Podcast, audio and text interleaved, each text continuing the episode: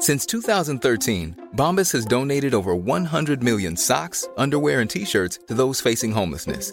If we counted those on air, this ad would last over 1,157 days. But if we counted the time it takes to make a donation possible, it would take just a few clicks. Because every time you make a purchase, Bombas donates an item to someone who needs it.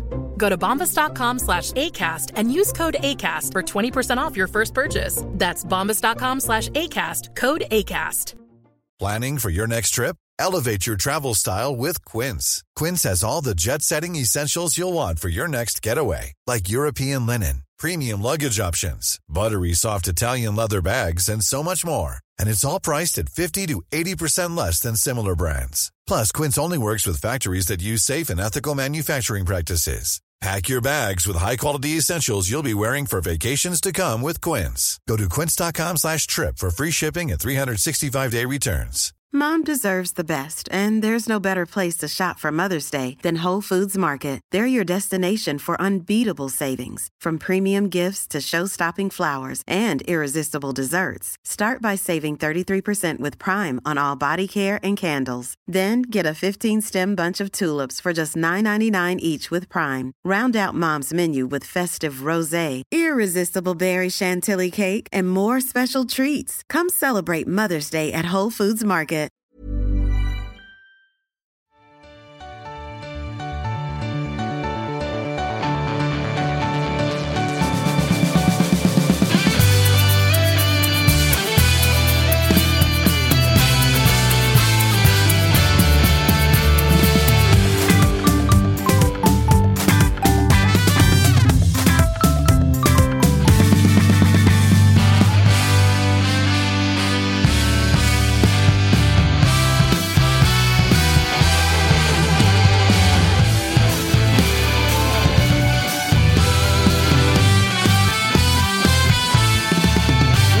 20 september. Det är avsnitt 265 av Toto-svenskan som ni både lyssnar och vissa av er också tittar på. Det tycker vi är väldigt trevligt att ni väljer att göra på YouTube måndag, onsdag, fredag 14.00. Kalle Nilsson är på plats i vanlig ordning. Hur mår du? Ja, jag mår bra. Du var så jävla snabb på introt där, så jag tror de bara hörde att det är dag idag. Och det är det. det är ja, det är onsdag. Ja. onsdag precis. 20 Ja, det är bra. Men då vet 20 jag framförallt. september. Det är det viktigaste. Det är faktiskt det viktigaste. Vi har Marcus Tapper på plats också. Hur mår du? Ja, men jag mår bra. Det har ju varit eh, sena kvällssändningar här på K26, så man är lite mör i huvudet. Det var ju eh, vagnen i eh, måndags som vi körde fram till 00.30 tror jag, eller något sånt. Och den finns ju ute som egen podd nu, så det kan man ju lyssna på. Igår var det ju watch-along med Champions League som det är ikväll också. Så det, det är mycket tempo här inne. Man är lite trött i huvudet, men på gott humör. Hur glad är du över att du numera kan pyssla lite mer med den internationella bollen och det lite luddiga vagnen nu när ditt IFK Norrköping har checkat ut totalt? Ah, ja, det är verkligen eh, det är ju eh, skönt. Eh, eller så, så investerad är jag ju inte liksom, i Citys matcher heller. Det ska jag vara ärlig med. Jag sitter mest och tycker det är lite kul att titta på. Men det är skönt att tänka på annat bara. IFK, IFK har ju checkat ut ännu mer än jag har gjort. Ja, vi, ska, vi, ska, vi ska känna lite lätt. Det kommer inte bli jättemycket Peking Nej, nej. idag. Jag- jag- Förtjänar ju inte så mycket airtime längre. Nej, jag har ju slängt in önskemål att vi släpper Peking för säsongen nu. Ja, det är de och ett par lag till som vi eh, liksom inte kommer ägna så mycket tid åt, för de är totalt ointressanta just nu. Ja, ja, vi tackar eh, Mjällby och Kalmar och Peking för en fin säsong, men nu är vi klara med er. Ja, vi hörs Kanske igen. Varberg också. Vi hörs igen när fönstret öppnar eh, 2024. Freddy Arnesson! Tja! Helt Annars- jävla slut alltså. Ja, du, du kom ju- vissla. precis, ja, precis. Vilken jävla timing. Så fysiskt eh, 3 av 5. Eh, Psykiskt? psykiskt 5 av 5. Fotbollsmässigt 2 av 5. Då vill jag bara påminna dig om att rent psykiskt så är det också derbyvecka. Ja, jag vet. Kanske jag att vet. det sjönk Men alltså, lite nu då. Någonstans har jag liksom gått in i mig själv att så här, fan, eh, allt förutom förlust på söndag så är jag ju nöjd. Oj. Ja. Så du tar krysset om du får det på förhand? Ja. Alltså, Oj. e- e- Spången. efter efter den här. Värnamo-pissmatchen så, så, så här, vi har haft chansen liksom att skjuta ner Göteborg i liksom superettan. Eh, känslan var ju liksom inför den här matchen att drömscenariot var ju så att vi skulle vinna mot Värnamo. Tre pinnar efter Norrköping. AIK skulle liksom komma till derbyt någonstans med, så här, med ett kryssförlust mot Degerfors. Och så här, fan, nu ska vi trycka ner dem liksom i den där bottenstriden. Så går de och vinner mot Degerfors och vi torskar mot Värnamo. Och Topp tre-platsen känns långt bort. Och, jag vet inte, men eh, tog, för- tog hårt på en i söndags. För alla som bara lyssnar och inte tittar så kan vi konstatera att August Spångberg är här på plats också. Och när Fredrik Arnesson tar mitt kryss, då hinner det gå en millisekund innan Spången är uppe med handen och skakar. Kardan var framme där. Tassen åkte fram direkt. Ja, men det, det är inte likt er att ni liksom tar den. Ni går väl in liksom en positiv känsla inför derbyn som det brukar vara på Friends Arena. Så jag är chockad att tassen kommer fram Nu där. har, nu har du hundra djurgårdare i chatten som är vansinniga på det. Det får de vara. Det är så här, någonstans, så jag, jag, vet inte, jag har ingen bra känsla inför söndag. Jag, här, man har lurat sig själv så många gånger in liksom matcherna ute i Solna och åkt på den. Så att jag ska liksom inte gå på den ännu en gång att liksom åka ut i Solna. Och, vi, ligger liksom, vi ligger fyra och ni ligger långt ner. Vi vet alla vad derbyn gör med en och med laget. Alltså, det spelar ingen roll vad som har hänt innan. Så att, eh, jag liksom, låga förväntningar på söndag. Mer, liksom, högre förväntningar på förfesten än på matchen. Spången. Ja, Vad jag, det här ja, från- jag, från jag Freddy. vet inte riktigt om jag gillar det här jag vara ärlig. Det känns som att Freddy efter många, långa, hårda år börjar lära sig hur man ska liksom, hantera derbyn. På förhand i alla fall. Ja, det är jobbigt. Eh, ja, det är lite jobbigt. Så det, jag vet inte om jag, om jag tror på det här snacket eller om det bara är någon form av taktisk liksom, eh, avsäga sig det stora favoritskapet som såklart Djurgården har inför söndag.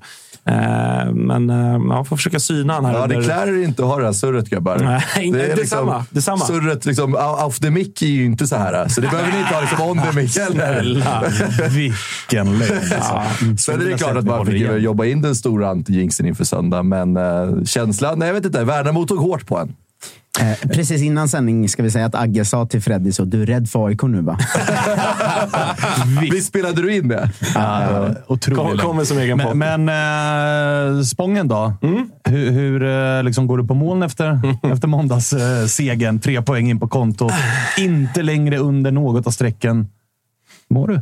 Nej, men eh, mål är väl att ta i, men eh, alltså, det, är så här, det, det är klart att man mår, eh, man mår bättre. Eh, det får man ju ändå. Alltså, varenda poäng just nu är ju kan ju vara skillnaden mellan liksom liv och död eh, när vi ska summera det här. Så att, eh, nej, men det har varit bra dagar ändå. Alltså, herregud, jag vet inte, hur många matcher har vi vunnit i år? Fem? Sex? Mm. Något sånt. Så att, eh, varje gång vi har vunnit så, så mår man ju ändå bättre. Även om jag på intet sätt liksom, eh, svävar iväg liksom, rent tabellmässigt vad jag tror om den här säsongen. Utan eh, jag är fortfarande inställd på att det kommer bli en, en, en tuff jävla höst. Du har inte Eh, gjort som eh, vår gode vän Joakim Hanes. Han pustar ju ut. Ja, exakt. En poäng före AIK. Ja, nej, det, verkligen inte. Det har, jag, det, det har jag absolut inte gjort. Utan jag eh, jag håller mig, håller mig fortsatt ödmjuk, men eh, var, var verkligen, jag var jätteglad i måndags. Verkligen jätte, jätteglad. Eh, vilket jag inte riktigt har känt.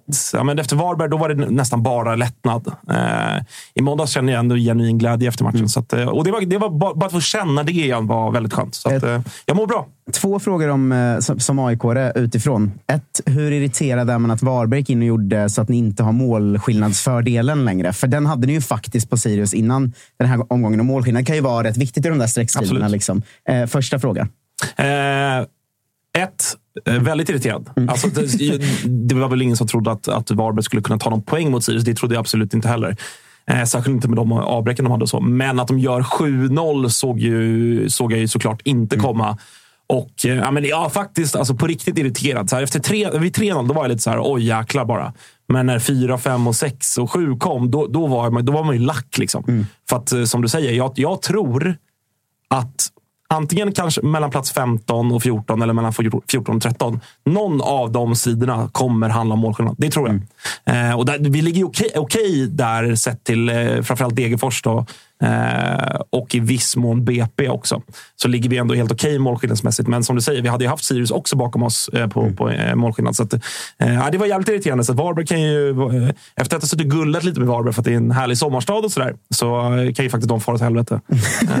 Vänt totalt. Eh, Det var fråga ett. Fråga två är för att det här, det här var intressant att göteborgarna som du säger är ju ganska säkra på att de är, de är safe nu. Liksom. Det är över. Men de började ju klappa Agge på huvudet i helgen, Mm. Patrik och Jocke. Och det måste jag ändå fråga dig om hur du känner som supporter när de alltså började köra Fan, vi hoppas att AIK också klarar sig kvar, eh, liksom, för det blir roligare nästa säsong då. Alltså, det är ju en sån komma överifrån teknik de börjar använda mot Agge nu som... Det, det måste ändå varit irriterande att höra det. Ja, men som vi till att börja med kan vi väl konstatera att som de varken bottnar i eller, eller klär i. Det, det får man väl vara ärlig och säga. Framförallt inte klär. Nej, alltså... Eh, Nej, det, jag, jag, jag skulle tro att det var de gissningsvis åtta ölen på Jan Scotts Avenyn som, som även talade efter matchen. Eh, jag, jag tror att jag sa det även i lördags. Jag, jag kan fan ta, ta liksom spott och spä och hån från alla lagsupportrar. Men Blåvitts supportrar, de ska, fan hålla, de, ska, de ska hålla sig väldigt lugna. De ska hålla sig på. Ödmjuka. Ja. Ja. ja. Eh, hörni, vi ska snart ringa Anton Saletros. Innan vi gör det så ska vi väl också känna lite. Vi tog ju Djurgårdsmatchen lite i måndags, men då med eh, Värnamo-perspektivet när vi ringde, när vi ringde Aydin Selkovic som eh, stod för eh, hyfsad insats. Ja, verkligen, Men, men eh, Djurgårdsinsatsen, vad har du att säga om dem? Om vi börjar med liksom, nyheten som kom från ingenstans när både Danielsson och inte Lövgren, utan Une Larsson inte fanns med. Nej, men eh, det har man väl också varit på. att fan, Vi är ju tunna liksom, när det kommer till mittbackspositionen. Vi har liksom Frank Diambo. Eh, och sen så har vi Lövgren utlånad. Så att, så här, fan, det finns ju inte så mycket att sätta in. Och någonstans har man ju varit lite på det här att det, det ser tunt ut. Liksom. Vad händer om Danielsson försvinner, eh, får ett rött kort eller skadad? Och det är klart att det är en extrem otur att båda två åker på uh, sjukdom. Nu vet jag inte riktigt vad det var, men det känns som att det var någonting som kanske liksom korrelerade till varandra. Kanske någon magsjuka eller någonting. Så att, eh, det är klart att det är liksom tufft. Liksom, och Gracia startar sin första match sen typ omgång 4-5 i Djurgårdströjan. Och Rasmus Schüller, som vi verkligen behöver på det centrala mittfältet, får gå ner som mittback. Och Besard har ju sett sådär ut senaste tiden och såg ju inte alls... Liksom, stärkte väl inga aktier efter matchen mot Värnamo. Eh, sen får man ju bara hylla liksom, Ademi, går in i en jävla kanonmatch mot Djurgården. Och, Sen så här, visst, vi kan liksom prata om domarinsatsen. Liksom, det är två liksom, hemåtpassningar ganska tydliga. Men så här, vi, vi ska lösa Värnamo hemma. Liksom. Så här, inget ont om dem, men det är ett lag vi ska vinna emot. Även fast vi liksom har något domarbeslut emot oss.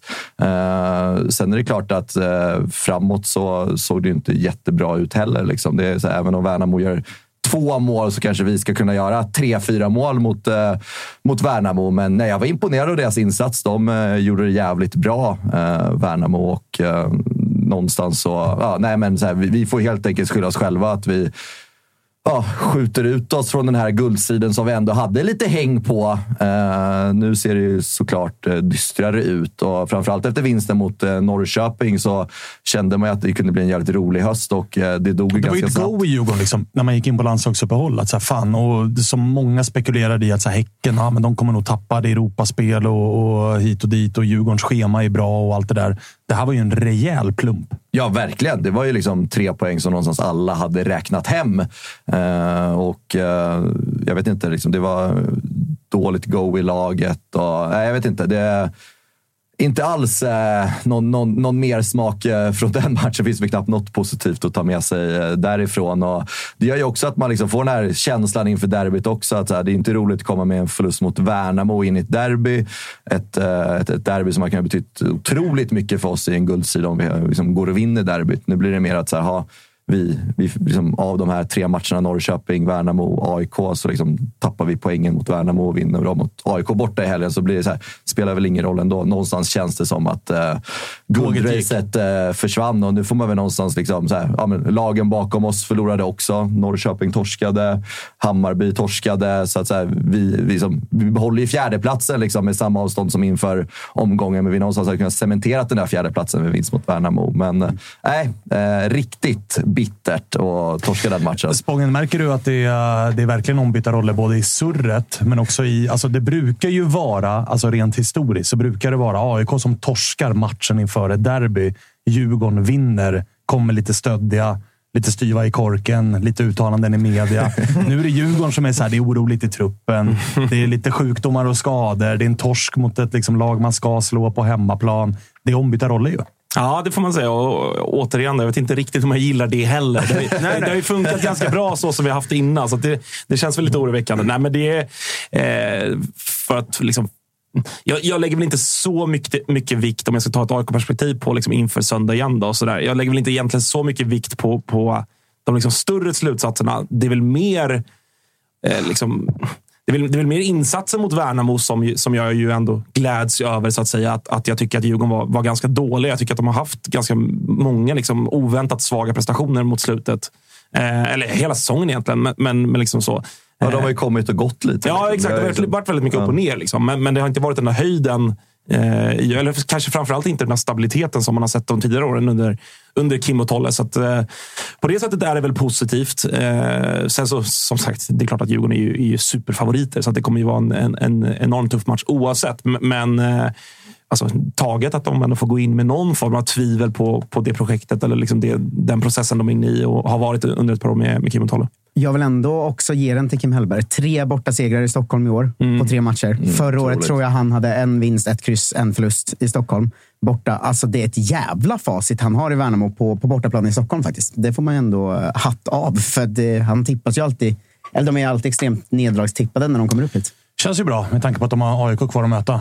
I Om, omgång 30? Mm. omgång 30. Jajamän. Innan det har AIK Blåvitt borta. Omgång 29. Mm. Känns bra. Tryggt och sådär. Och Ja, sådär. samt. Ja, jo. Ja, Men eh, nej. Freddy, vad vill du se för... eh, Liksom, det är klart att du vill se Une och Danielsson tillbaka, men i övrigt, alltså, vad tänker du behöver korrigeras i laget? Till, alltså, vad vill du se för ändringar i startelvan till, till söndag? Jag vill jättegärna se Harris från start. Eh, så här, den stabiliteten. Jag tycker ändå han har varit liksom en ganska bra hög nivå på Harris i år. Eh, nu var han tyvärr borta mot, eh, mot Värnamo också, så jag ser gärna honom starta. Eh, Mosa eh, brände ju ett jävla fint Ja, läge mot säga. eh, Värnamo. Det börjar komma upp i ett par brända lägen nu. Ja, kan man säga. Han hade ju några riktigt fina lägen där mot uh, Luzern hemma och sådär också. Så att, nej, det har varit några lägen och det, det, jag förstår inte riktigt vad han tänker där när han får bollen. Att han har ju ändå tid på sig att liksom lägga över bollen på högerfoten och det är ganska lätt liksom placera in den. Istället skjuta han vänster. Så här, vinkeln är ju fortfarande vad den är. Det är en- den ska ju in ändå, även fast han skjuter med vänstern. Men att han bränner det läget är ju frustrerande. Men det är klart han eh, ska fortsätta starta och eh, någonstans den investeringen vi har gjort honom så, så förtjänar han att starta. Och sen så mittfältet tillbaka med Schüller där på centrala. Och, eh, Wikheim till vänster, eller? Eh, jag Eller? är osäker. Alltså. Wikheim har varit sval. eh, Alltså, väldigt sval i år. Liksom. Han har gjort några matcher så han liksom har stuckit ut och liksom varit förra säsongen. Men eh, han har en bit kvar till liksom förra årets form. Vem ska vara till vänster då? då?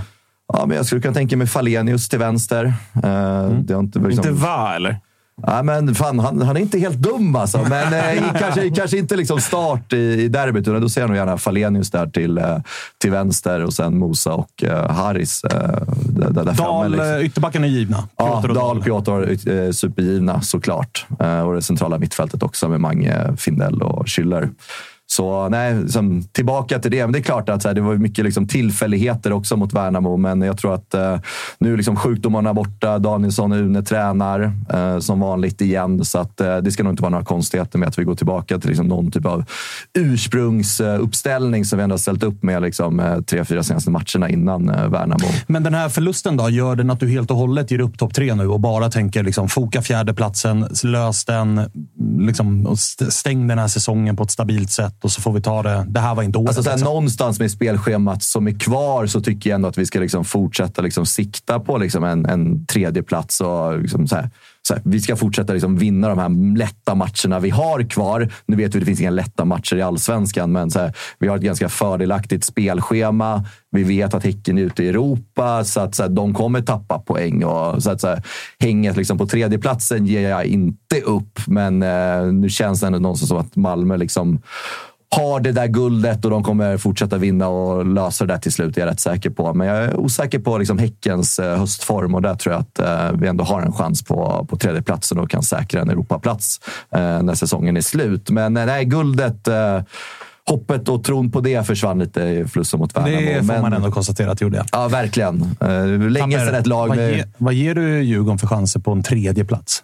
Alltså, jag, jag, det är ju Det är för... sju poäng. Ja, jag vet, men man är ju för dum här. För man, man stångar sig Är blodig det i... sju poäng? Ja, men man stångar sig blodig i hur mycket man fortfarande känner att Häcken borde tappa. Alltså varenda match Ja, ja, känner jag det. Vad har Men de de för gör spelschema här. då, Vet du, vad det är? Vet du vad det är? Det är åtta poäng. För att alltså Ja. Häckens Ja, det, målskillnad är plus målskillnaden. 26. Ja, ja, men Djurgårdens är plus 7. Alltså nu, den här förlusten rörde ju till det där, för jag har ändå hela tiden känt att Häcken kommer tappa. Dock men nu smålurigt fan, alltså. schema för Häcken alltså. Men skit i schemana nu.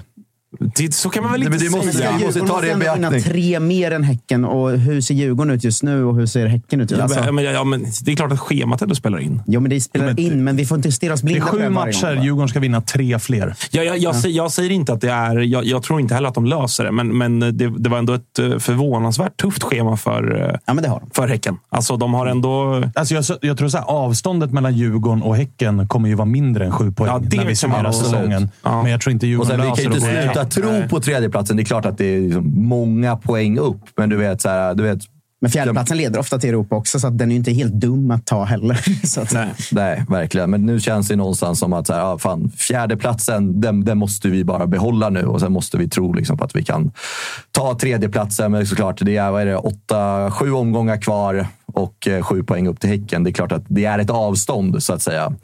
Uh, seger mot Värnamo, där det har varit fyra poäng, fem upp till Malmö. Så att där den pajade ju mycket, såklart. Det får man lov att säga. Eh, och lite puls inför söndag då. Ja, verkligen.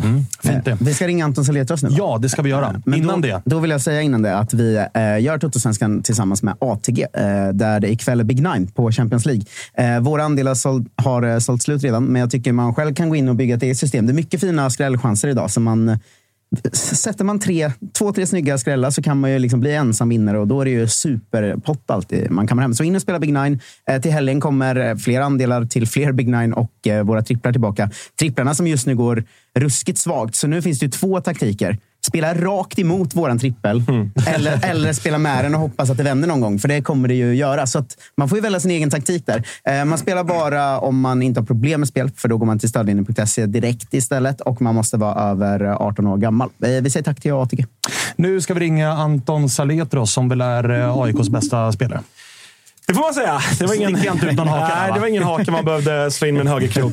det, det, får man, det får man säga. Nej, men han är eh, klar, klart bästa spelare såklart. Även om eh, jag tycker att vi inte riktigt utnyttjar honom till fullo. Men eh, ja, så är det. Eh, Anton Saletros, välkommen tillbaka till Toto-svenskan.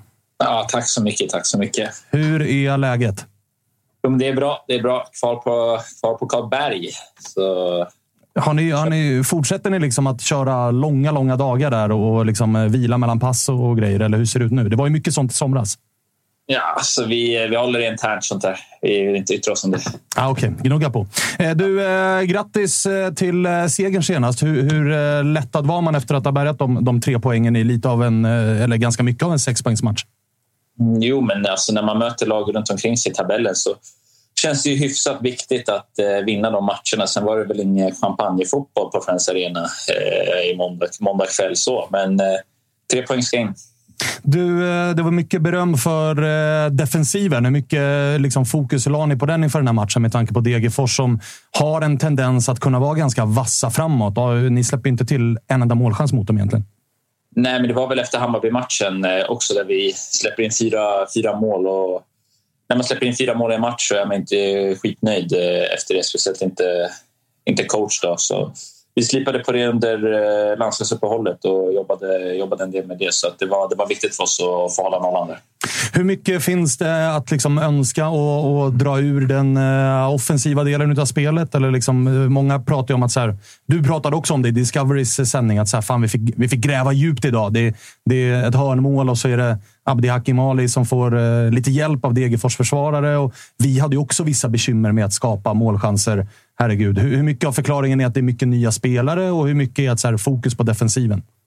Alltså jag, tror, jag tror att allting i fotboll är en blandning. Alltså till exempel många nya spelare, ny tränare, nytt spelsätt. Folk ska klicka ihop det, folk ska kunna ja, finna relationerna där. Samtidigt som vi är i ett läge där kanske inte självförtroendet är, är på topp på alla gubbar i laget och då blir det liksom några procent här och där och då kan det vara att det brister Eh, med tekniken samtidigt som man ska försöka koppla ihop det. Liksom man ser att Sedina är en jäkla bra spelare men han kanske inte riktigt fick till den här passningen till Omar som vände sig om samtidigt som inte trodde det skulle komma. Liksom. Så att det handlar både om relationer och eh, ja, spelsätt och nya spelare. Så att det, det är en blandning av en gott och blandat på sig med allt skulle jag säga. Det har ju varit, eh, Anton, ganska stor liksom, rotation centralt bredvid dig. Det, vi hade Bilal innan han försvann och så har Keita spelat lite och Jimmy lite. Och nu, nu känns det väl lite grann som att det är, eh, i alla fall utifrån sett, Abdi som har eh, liksom, tagit den där platsen bredvid dig. Hur, eh, kommer från division 1, Vasalund och så. För, oss som inte, eller för de som inte har sett honom jättemycket som, som vi har gjort. Liksom, hur är det att spela med honom? Vad är han för typ av spelare och, och sådär? Nej, men jag ska säga så här. Alltså redan när jag kom till AIK så sa jag när jag satt i AIK Play att det var en av våra bästa unga, unga spelare som ja, lite mer okänd för publiken. Så, där. så att det, det såg jag direkt. Han är, han är väldigt bra på ganska mycket, som många av AIK som kommer från AIK-akademin är. De är väldigt, alltså väldigt bra på många saker och det tycker jag speglar hans spel också. Sen har han ett driv med bollen som jag tror vi kommer få se mer av eh, kommande matcher. Hur ser, hur ser rollfördelningen ut mellan er? Har, är det liksom tydligt så? Eller, för det, det, det, vet ju du också, det är mycket snack om att vi spelar, bara med två centrala mittfältare och så vidare. Hur, liksom, hur uttalat är det vem av er som ska dra? Eller är det mer att man växeldrar? Eller, hur, hur fungerar det under matcherna? Vi, vi, eh, vi växlar eh, en del, men jag tror senaste matchen har jag tagit lite mer defensivt än vad, vad han gjort och släpper lös. Han, han är bra på att sticka iväg. Så att, får man eh, hålla det lite mer eh, centralt. Så vi, vi, vi försöker växla dem. Det har blivit en ja, 60-40 def, def på mig. Då.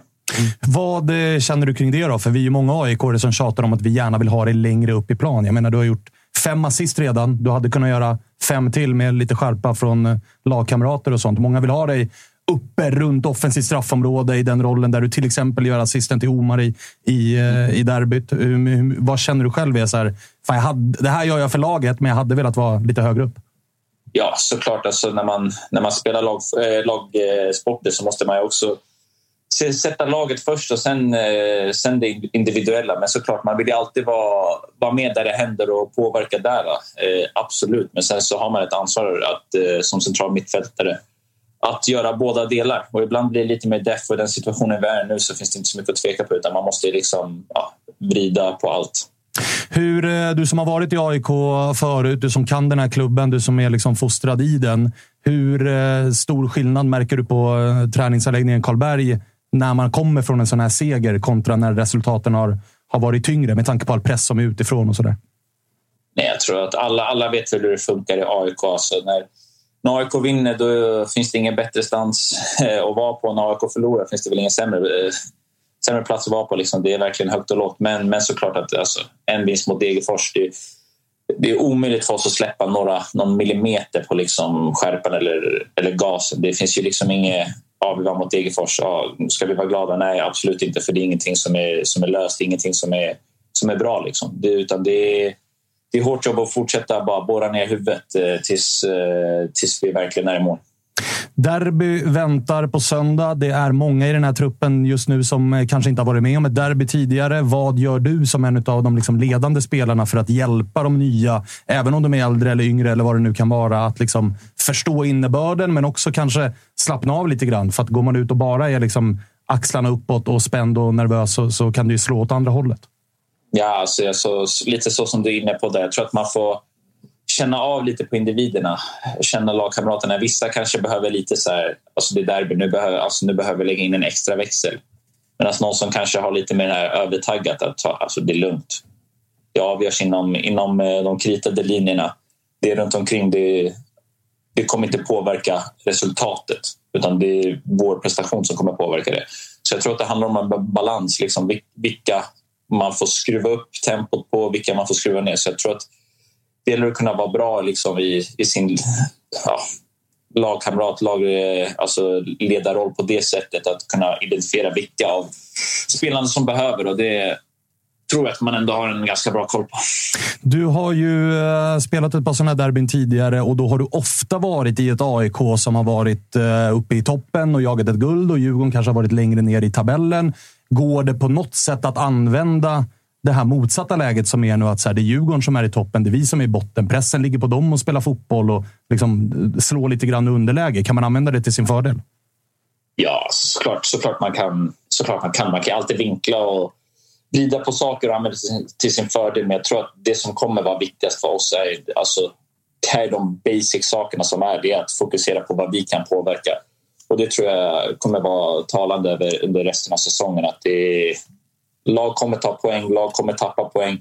Men eh, vi, vi måste göra vårt. Så att, eh, såklart att det, man, kan, man kan vrida och vända på det på olika sätt för att få ner eller upp pressen. Men jag tror bara att vi, vi måste verkligen bara fokusera på oss själva i det här läget.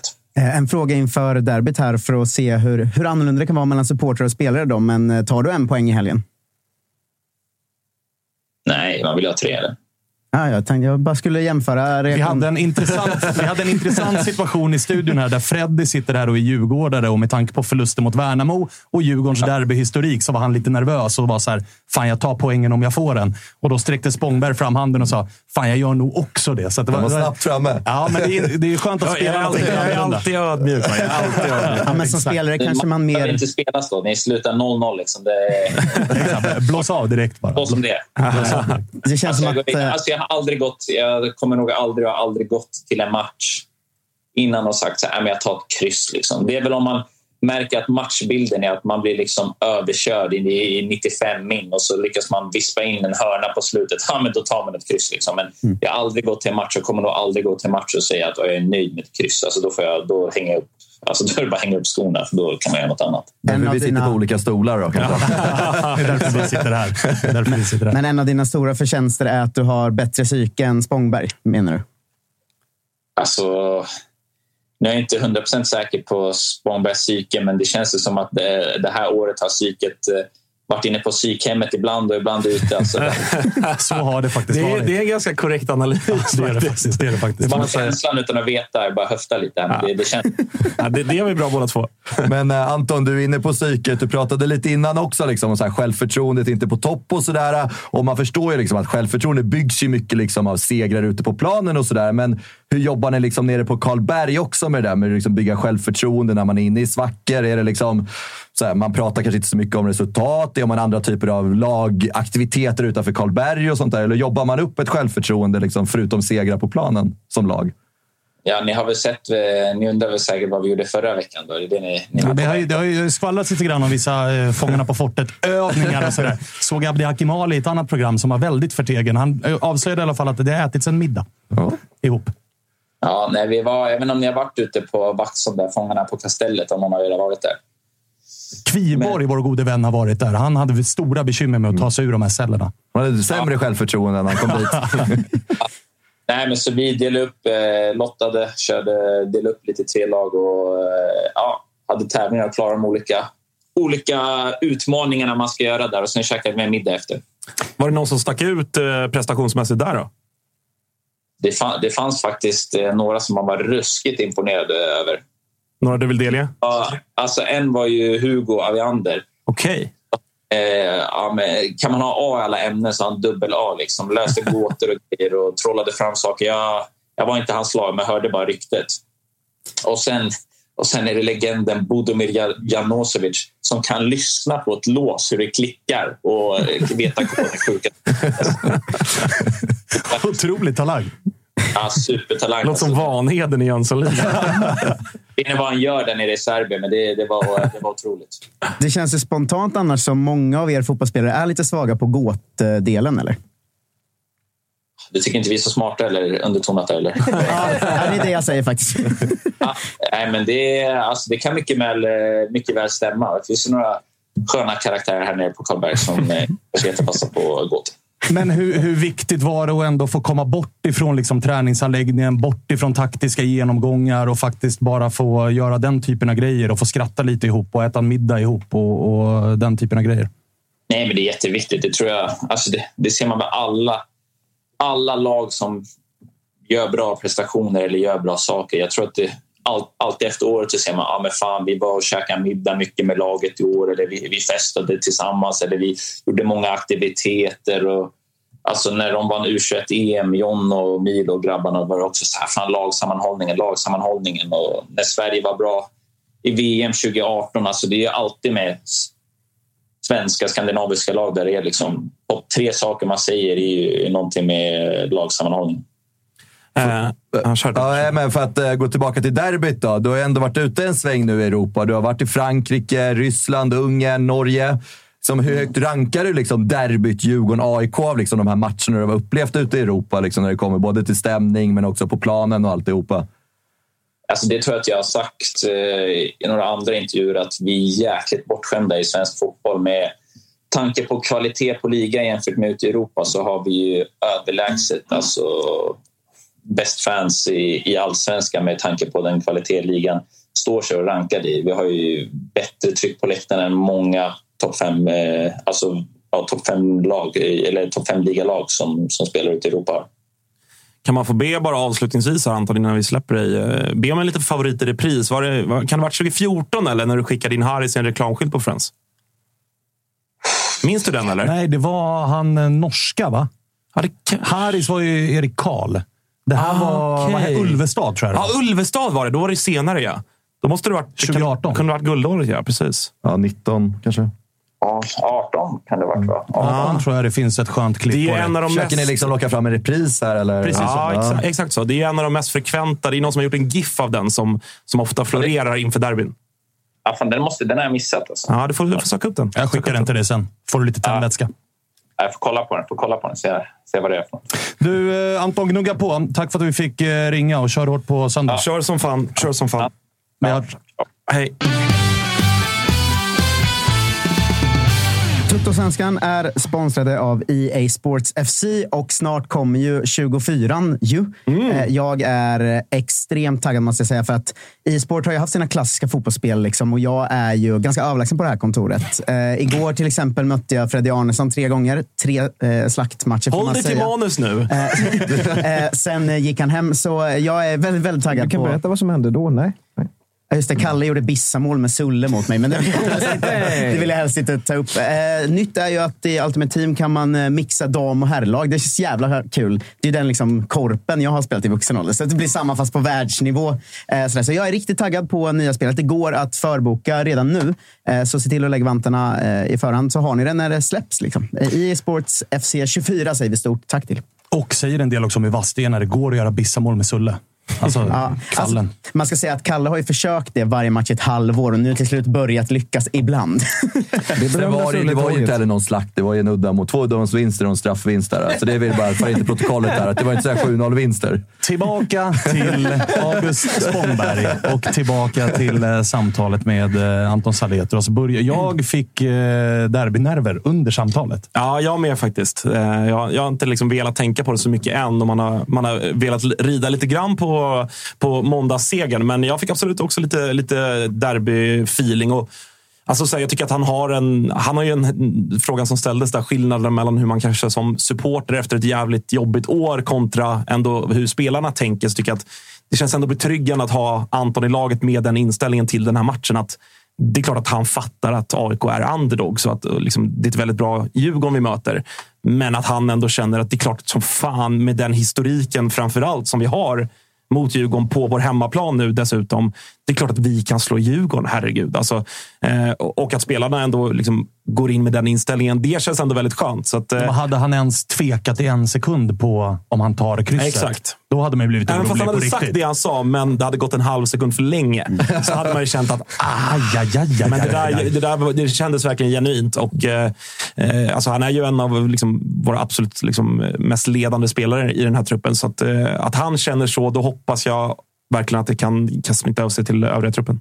Vad eh, Degerfors-matchen då? Det har ju blivit Mm. lite så här delat AIK-läger efter den. Eller så delat. Alla är genuint glada och lättade över eh, tre poängen på kontot, men det var ju en fotbollsmatch och en insats som inte gjorde att man känner, som Jocke Hanes gör med Blåvitt, att vi kan pusta ut. Nu ser det bra ut och liksom, vi segrar staplas på hög och vi spelar bra fotboll och hela den biten. Utan det var ju gräva djupt och, och skotta fram en, en uh, trea. Vad, vad känner du nu när det har gått några dagar efter segern? Ja, men exakt. Eh, nej, men att, att det är väl, man är lite tudelad till den såklart. Förutom de, de liksom bara känslomässiga aspekterna, att man är eh, enormt glad över de tre poängen, så, så finns det absolut både liksom positiva och negativa saker att ta med sig. Om man ändå börjar i, i den positiva änden då, så tycker jag att Eh, alltså, givet motståndet det är Degerfors, absolut. Men det är, alltså, det är Degerfors som, som ligger där de ligger på grund av en, en bedrövlig defensiv snarare än en liksom, usel offensiv. Även om, även om den såklart är, den är inte topp så, men den, de har ändå sina offensiva pjäser.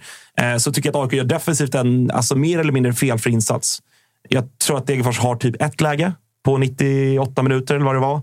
Jag tror att de har ett XG på typ 0,3. Alltså, defensivt så, så gör AIK, både som kollektiv men även liksom individuellt i, i enskilda aktioner, alltså en fläckfri insats. Och, och spelare som, som, eh, som jag och vi har varit på en del, Milosevic och Sotte de här andra liksom tilltänkta bärande spelarna som har fått mycket skit med all rätta tycker jag, eh, gör ju en, en jävla toppeninsats. Framförallt Milosevic som, som dessutom får kröna det med ett mål. Jag tyckte Eh, i defensiva sammanhang ska man väl nämna att Tykosen höjde sig en hel del. Ja, han var, han var jättebra innan också. Jättebra. Alltså, hela backlinjen var, var, var kanon. Och, och, och på något sätt får man ju ändå... Alltså, någonstans är det ändå där man måste börja när man ligger där vi ligger. Och, och det har vi också pratat om att de sista matcherna, alltså Norrköping, Hammarby, defensiven har sviktat mot slutet. Och det är ju egentligen kanske mer oroande än att offensiven är fortsatt trubbig. Eh, så att, att vi ändå fi- lyckas fixa till den, absolut mot Egefors återigen, men att vi ändå gör det i den här matchen som gäller så jävla mycket och där vi dessutom också har all press på oss. Det tycker jag ändå är imponerande. Eh, så så, att, så att det, det tar jag med mig. Jag hoppas att vi kan liksom bygga vidare på det. Att, att Milo och Sotta på något sätt hittat någon form av liksom, eh, gammal god form här nu inför avslutningen. För det kommer vi verkligen behöva. Eh, så det tycker jag var positivt. Eh, sen så i andra änden så Alltså det, det är stabbigt. Det, det är liksom, vi har problem att, att skapa lägen. För det man ska säga är att Degerfors offensiv är ju inte, liksom, den är inte kattskit. Nej, exakt. Så att Exakt. menar, det är bra att stänga till och inte släppa till några chanser. Å andra sidan, Degerfors defensiv var ju fram till den här omgången sämst i serien. Sen kom Varberg och släppte in sju bollar och gick om i insläppta mål. Men det har också varit ett lag som läcker bakåt och där har ju AIK stora bekymmer att skapa målchanser. Ja, men så är det. Och, och det är klart att det är, ju, det är ju ett fortsatt problem som AIK har. I den här matchen tycker jag väl att skillnaden kanske mot tidigare matcher sen Henning Berg kom in är att då har väl jag kanske riktat den främsta kritiken mot, mot honom och, och den liksom rent taktiska delen. Då tycker jag att vi har liksom, det har varit problematiskt i, i speluppbyggnaden. Jag tycker att det har varit problematiskt i liksom hur vi formerar laget. Medan i måndagsmatchen mot Degerfors så tycker jag väl snarare att det handlar om bristande kvalitet individuellt. Anton touchade lite vid, vid eh, Selina som vi lånade in på, på deadline day. Som, som, som jag dock ändå liksom kände att här finns någonting. Sen så var liksom den sista kvaliteten i passningen, den sista kvaliteten i avsluten, så, den var inte bra nog i den här matchen. Men jag tycker ändå att han visade, och han visade i inhoppet mot Bayern också, där han ju gör en assist direkt, att han kommer vi nog ha nytta för när han väl har dagen. Eh, Men så att jag, tycker, jag tycker ändå att det fanns liksom systematiska delar som var bra i den här matchen. Jag tycker att Selina föll in i en väldigt tydlig nummer 10-roll i liksom mellanytan. Omar Faraj gjorde det också på andra sidan. Omar Faraj hade tyvärr då en, en, liksom, en usel dag på jobbet och, och, och hade knappt ett rätt. Och då är det så här, om två av tre offensiva spelare har liksom en individuellt väldigt dålig dag, ja, då kommer det tyvärr se ut så som det gjorde i offensiven. Alltså, det får man ju bara liksom inse på något sätt. Eh, och, det, och det är väl lite där vi är. Alltså, det, det har vi pratat om förut. Det är, det är en trupp med, liksom, med dåligt självförtroende. Det är en skadeskjuten trupp. Det är en Ja, men, så här, det, det är jobbigt att spela AIK just nu och, och, och det ser man ju individuellt i, i många aktioner. Eh, så att offensiven, ja, det, den, den kämpar på. Det, är- så mycket kan man väl säga. Men, men, men, men jag tycker ändå verkligen att jag tycker att det var ett fall fram. Jag tycker inte att det var så dåligt som vissa andra ändå kanske tyckte. Eh, så att, så att, alltså, övervägande en del positivt, det, det måste jag ändå verkligen säga. Men jag måste säga, jag, jag köper att AIK gjorde grejer bra, framförallt defensivt. Eh, men det var också, när vi satt här och kollade på matchen, det var en riktigt dålig match. Och, Ja, gud, och man ja. blev verkligen... Jag vet inte varför jag ska vara orolig för dem, för så mycket bryr jag mig inte. Men orolig för Degerfors, att de ens ska ta någon mer poäng den här säsongen. För att jag tyckte att mittfältet, både defensivt och offensivt, alltså de slog bort så jävla mycket bollar. Alltså, Alltså, var- andra halvlek framför allt är ju så... Ja, den är, men Mm. Lite samma där. Nu, nu la jag väl inte jättestor tankeverksamhet vid liksom Degerfors insats. så. Men andra halvlek var ju individuellt, ja, kanske framförallt passnings... Ja, Liksom, Degerfors mittfälts passningsspel var Ja, men även- AIK. Alltså, det, det var katastrof, så mycket spridda bollar i andra halvlek så det, var, det var helt ofattbart eh, faktiskt. Så att, Det var lite så att man såg, vi såg samtidigt den, den som jag helst inte vill prata om då, men en riktigt dåliga match mellan Norrköping och Mjällby. Och det kändes ändå som att så här, det såg ut som en superettan-match och en dålig allsvensk match bredvid. Alltså Degerfors, AIK och Degerfors såg så himla, himla dåligt. Och Ingo som inte vår praktikant, eller vad han nu är nu för tiden, eh, som inte kollar så mycket allsvenskan, han var ju verkligen satt och bara så här, vad fan är Degerfors? Vad gör det? Ska de här spela i allsvenskan? Alltså, det, syntes ju lite att det, ja, det syntes ju tydligt att det var två av allsvenskans fyra sämsta fotbollslag som gjorde upp. Alltså, det syntes ju. Eh, Ja, men verkligen. Och eh, det jag kände där var att, eh, återigen, man, man kollar truppen, man kollar spelet, man kollar schemat framåt. Lägger man ihop allt det, jag har jättesvårt att se Degerfors eh, kunna klara sig kvar. Alltså, jag, jag, eh, är, Sen sprattlar de till på sin jävla stora valla och Ja, så det- slår ja, de är Häcken det. med 1-0. Så Alltså, jag- det det är är, ju ju på så. hemmaplan de löser det. Ja, men det är ju alltid så. Och det, det vet jag också, så att man får äta upp det man säger såklart. Det är så det är alltid med Degerfors varje år. Men, men Jävlar vad dåliga jag tyckte de var. Även om jag inte vill ta bort AIKs försvarsspel, för det håller jag med dig om. Att, jag tyckte nog framförallt Tykosen, som vi har gnällt väldigt Ja, mycket på, bra. att eh, det var en extrem höjning i hans defensiv. Han gjorde ett par brytningar och han låg mycket mer rätt i position och sådär. Men Degerfors kände jag bara, så här, vad, vad gör ni för någonting? Alltså, vad håller ni på med? För att varje gång de hade läge att skapa någonting så skickade de ut den till inkast eller inspark. Liksom. Alltså, det, det var fruktansvärt tycker jag. Fundamentalt såklart med tre poäng, men också att spelare som eh, framförallt Atto Saletros inte drog på sig ett gult kort. Hade han varit avstängd i derbyt. Men nu kommer det ju... AIK har ju haft ett par matcher nu där det har varit så här måste-matcher. Alltså Varberg hemma, Degerfors hemma. Nu kommer Djurgården och Häcken. Tror du att det kan vara en fördel att de kommer? Att det blir så här, nu är all, alltså vi är ett bottenlag. Folk är fine med att vi parkerar en buss och krigar för vårt liv här. Vi har inte pressen på oss att vi ska gå ut och spela och eh, liksom, spela trianglar och hålla på, utan nu är det bara grisa. Ja, både, både ja och nej. Ja, utifrån det, det du såklart är inne på, att vi på något sätt kommer ju... Eller så här, vi, vi är tydliga underdogs i båda de här matcherna. Eh, sen så är derby är alltid ett derby. Sen så Häcken borta kommer vi såklart vara, vara super-underdogs. Eh, och och jag, jag vill ju säga att ja, men det kanske kan vara bra, men sen så det, får man ju också liksom vara realist och kolla på den där resultatraden och konstatera att vi har ju knappt tagit en poäng mot lag från eh, plats åtta uppåt. Alltså, det är så det har sett ut. Så att utifrån det så talar väl egentligen ingenting för att vi skulle lyckas, lyckas knipa några poäng liksom rent på, på, på sportsligt vis. Så att säga. Eh, så, att, så att det är ju två matcher där jag hoppas och också ändå tror att vi kommer få se ett lite annat AIK än vad vi kanske ändå har gjort mot... Alltså jag menar, om vi tar Norrköping som exempel. Då, där, där gör vi ändå en ganska bra insats och går ut och försöker spela. Eh, men bli, bli, blev vi liksom brutalt straffade. Jag tror inte att Henning Berg kommer göra om den matchplanen. Lite I- samma mot Bayern. Ja, lite samma mot Bayern. Eh, absolut. Där, där första halvlek är ganska bra. Liksom. Eh, men jag, men liksom så här, vi är för sköra. Vi är, det är lite för många som ha- har ett misstag i sig när som helst. Så jag tror... Jag tror att vi kommer få se ett betydligt mer samlat AIK, både i derbyt men framförallt sen såklart nere på, på Bravida, där, där liksom vi vet vad Häcken gör i sin offensiv. Så där, där förväntar jag mig någon form av liksom sjubackslinje och all, alle man på rätt sida boll och försöka kriga till sig ett kryss. Liksom. Men eh, som du säger, de, att det inte blir gult kort på, på Saletros och även Otieno var det va, som, som Ja. riskerade. Otieno var ju hyfsat nära att få ett gult där. Det är otroligt Nästan. att han kommer undan det. Alltså. Nästan eh, läge för dem att ta det i derbyt. Ja, alltså så här, ja. Och, och det, handlar inte om att jag, det handlar inte om att jag sitter här och liksom menar på att man ger upp någon match. Men man får ju också inse... Man får jobba avslut- sannolikhet. Ja, exakt. Man får jobba sannolikhet. Här. Så här, vilka matcher är det vi ska ta poäng? Då? Det, det är ju alla AIK en, enade om att det är ju hemmamatcherna vi ska ta poäng. Och då är det på något sätt lika bra att... Liksom, för att så här, både Anton Saletros och Erik Otieno kommer ta till gult kort den här säsongen. Så är det. Och då får man ju, liksom, då får man man välja. Då får man ju välja lite grann. Och då, då är det väl bara, då får väl som, som jag uppmanar Anton till att göra, skicka in någon eh, Djurgårdsjävel i, i reklamskyltarna. Liksom. Eh, Ska vi avrunda AIK-snacket med att säga göra. att det nu kom en pushnotis från Fotbollskanalen. John Guidetti talar ut, citat, ett jävla bajsår. Det är starkt. här är ändå en intressant intervju man vill är- läsa. Alltså. Är det med Fotbollskanalen eller? Nej, jag gissar det. Den, Ja, den eh, kommer vi få tillfälle att eh, ta ner. Och på tal om Djurgårdsjävel. På eh, fredag blir det mer derbyfokus då vi ska ringa Une Larsson. Just det. Ja, och snacka exakt. upp derbyt lite från Djurgårds Och perspektiv Ayamuso, också. va? Ja, och Ayamuso. Och eh, Varberg. Just kolla, kolla så att det är puls.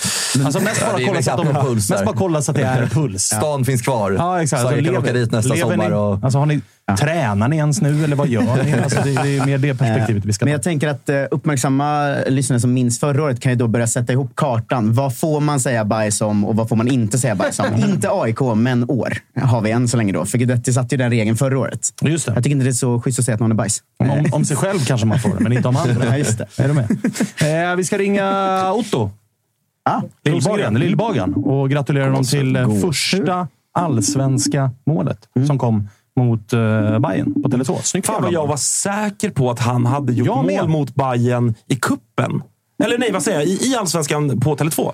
In, alltså ty, ja, i fjol. För Mjällby. För Mjällby. Ja, jag var också chockad när jag fick höra att det var första allsvenska målet overall, inte bara i, i eh, Malmö. Dubbelkolla så det stämmer. Eh, Otto, du är med oss nu. Eh, välkommen tillbaka och eh, hur är läget? Tack så mycket. Eh, det är bara bra med, med er då. Jo, det är toppen får Fem av jag, fem. får jag lov att säga. Fem av fem i, i vanlig ordning när Freddy Arnesson är på eh, besök. Men alltså, det, det stämmer det här. Alltså. Det var första allsvenska målet. Ja, det stämmer. Eh, det är inte tillräckligt bra, men om det fall. Men har du inte gjort mål mot Hammarby på Tele2? Nej, Inte ens i kuppen? inte gjort. Fan, jag, jag, jag drömmer om dig, Otto. Kanske var, kanske, kanske var farsa för 15 år sedan. Jag skit på Strandvallen. Men, eh, Ah, okej. okej. Mm. Fan vad sjukt. Men du, eh, grattis till segern. Det var ett jävla snyggt mål också. Ja, tack så mycket. Eh, ja, det satt fint faktiskt. Eh. Nu har ni ju övertagit eh, första platsen också. Känner ni nu att liksom, ni har hittat rätt och att ni är på gång och att det är ert guld att att förlora? Vi hade ju här förra veckan som var inne på att liksom, en match i taget, en match i taget. Men nu leder ni. Mm. Nej, men det är väl, vi får fortsätta tänka på, på det sättet. Annars så bör vi få, få, få problem om vi, om vi tänker mer långsiktigt. Utan vi tar, om tar alltså en match i taget. Men eh, jag tycker vi visar i denna matchen att vi, vi verkligen är ett lag och, som kan vinna SM-guld. Liksom, eh, eh, visade på både försvarsmässigt och vårt anfallsspel är, är riktigt bra också. Hur mycket tryckte ni på det inför matchen? Att det liksom är läge? Ni har, ni har ju haft liksom en, en ja, men lite haltande sommar får man säga, med liksom märkliga poängtapp här och där. Och de här dubbla matcherna mot eh, ditt gamla lag Mjällby, där det blev liksom dubbla torsk och, och allt vad det är. Hur mycket pratade ni i gruppen om att fan, nu är det läge att visa för oss själva, men också för resten att vi är det laget vi vill vara. Borta mot Bayern i en stor match. klart vi snackade om det, att vi ville, ville visa igen eh, vad vi är för, för lag och vilka kvaliteter som finns i den här truppen. Och det är klart vi har haft många nya spelare som, som måste komma in i både laget och sättet som vi spelar. Och sen tycker jag denna matchen visar att vi, vi börjar få ihop eh, laget på ett bra sätt och eh, förhoppningsvis så kan vi fortsätta på detta spåret.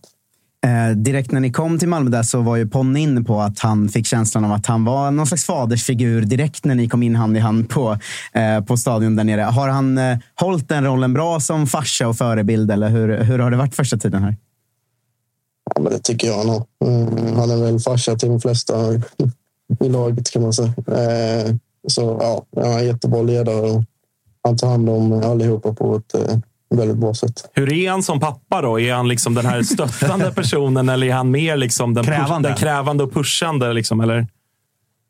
Mer, mer stöttande skulle jag ändå säga. Eh, sen pushar han också. Det är en bra mix tycker jag. Är det Ponne som hörs mest i omklädningsrummet innan och i paus och sådär? Ja, han är en av dem som, som tar tag i det. Eh, både i omklädningsrummet, eh, på träningar och runt om i arenan och allting. Eh, så ja, han eh, del. Hur eh, har det varit för din del då, första tiden? Nu, nu har du ändå varit där eh, ett tag. Liksom. Vi ringde dig ju när du var helt färsk och allt var väldigt nytt. Men har det varit, alltså, med tanke på din situation också med, med lite skador och sådär, har det varit frustrerande för dig? Det har varit tufft att komma till en klubb och bara hinna spela några matcher innan man, innan man drar på sig en skada. Och det är inte det man vill ha direkt eh, när man kommer till en ny klubb, utan man vill ju få eh, kontinuitet i grejerna och, och det har fått riktigt än. Men eh, ja, nu är det eh, ny chans att, att spela mycket och ja, det ska bli kul att fortsätta spela fotboll. Hur stor har den spelmässiga skillnaden varit? då? För att jag menar, du kommer ju från ett Mjällby som har gjort sig kända för att vara liksom hårt arbetande, gnuggande, starka bakåt, medan Malmö är något helt annat. Har det varit mycket att ta in rent sportsligt? Men det var mycket, eh, framförallt i början kanske, med mycket, mycket möten och man fick ha enskilda möten med, med coach och, och sådär. Så det var, det var mycket i början, men sen tycker jag även nu när jag var skadad så känner jag ändå att när jag nu kom tillbaka att jag har kommit in i spelet eh, bra. Eh, så, eh, det har varit en del eh, på det planet och det är ju som du sa väldigt, väldigt olikt Mjällby så som vi spelar här. Eh, mycket mer possession och ja, det är jävligt annorlunda. Vad har varit den liksom största sportsliga utmaningen för dig att gå från liksom den typen av taktik ni hade i Mjällby och det du har lärt dig där till det som du lär dig nu av Rydström i Malmö? Men det är så mycket grejer som, som man inte har vetat om innan liksom, som, är, som är så viktiga när man spelar i sånt här lag. Så eh, det är mycket det spelmässiga med boll. Liksom. Eh, många olika saker. Vad du, vad du ska göra när du, eh, innan du får bollen. Eh, vad ska du göra när du vänder upp? Liksom. Eh, ja, det är många grejer.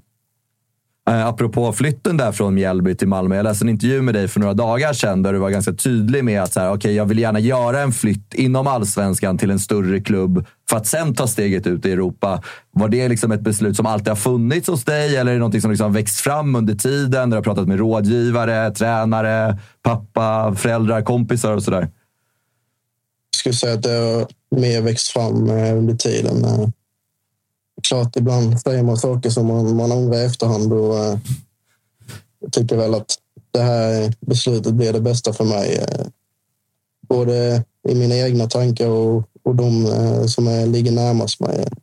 Både föräldrar och rådgivare som ni sa och, och många andra som har varit en del i beslutet. Så eh, jag tycker det är en bra, bra språngbräda om man vill ut i Europa också. Eh, så, ja. Så du var på lite Noah Persson där, att han gick lite för snabbt ut i Europa? Eller han borde också ha gått till Malmö eller någon annan storklubb innan? Nej, han, han skippade i Bayern så det var bra. vi, vi, måste, vi måste faktiskt ta vidare, för vi var ju lite... När vi började prata med dig var det ju att du och Noah ringde in ihop och ni var små barn och jättegulliga och sådär. Sen har ni ju sen har ni gjort superkarriär båda två sen dess och blivit eh, ja, men först båda väldigt bra allsvenska spelare. Han utomlands nu och du i Malmö nu. Men, men har du hittat liksom någon annan bästis där nere i Malmö eller hur har det funkat utan Noah? Jag ska bara säga Otto, det Kalle här. Det såg man tidigt nu. ja, det såg man tidigt att det skulle gå fint för er. Ja. Mm. ja. Kalle var tidig för den bollen. Mm. ja men det är svårt att hitta någon eh, som är lika nära som Noah. Liksom. Eh, men eh, börjar hitta några här som man, eh, som man hänger, med, hänger med mer än, eh, än andra. Så eh, det ska nog gå det också. Men det, Eh, svårt- att ersätta Noah måste jag säga. sånt är man ju alltid nyfiken på. Vilka hänger du mest med i, i laget nu? Men det är väl Nanasi och Taha mest. Och hur är, liksom, har du daglig kontakt med Noah? Jag menar, han spelar Champions League nu. Herregud. Alltså, är det, är det liksom, surrar ni mycket? Hur är det att höra hymnen och de här grejerna? Ja, det är mycket, mycket Snapchat också. eh. Fick, fick ta eh, frispark igår, såg vi. Härligt. Bra, Kalle. Bra, bra inflik. Bra inflik. Kul för honom. Eh, men du, fan vad fint. Du kommer också spela Champions League-fotboll här vad det lider. Men först Stora Valla. Degerfors borta. Inte helt lätt alltså. Nej, det blir tufft. Eh, de slåss ju för, för nytt kontrakt. Och, eh, det blir en eh, utmaning för oss att ta oss ner där. Och vi, vi lär väl få förvänta oss en matchbild där vi, där vi styr spelet och de backar hem ganska lågt. Och de är rätt vassa när de får ligga där och bara, bara kontra. Så nej, det var fokus på vårt egna spel framför allt. Att göra en så bra prestation som möjligt. Och eh, tror jag vi får med oss ett bra resultat. Stort eh, lycka till. Hälsa Taha och Ponne och, och ligan. Alltid lika kul att prata med dig. Ska jag göra. Vi hörs Ha det då. bra. Ha det bra. Ciao, ciao.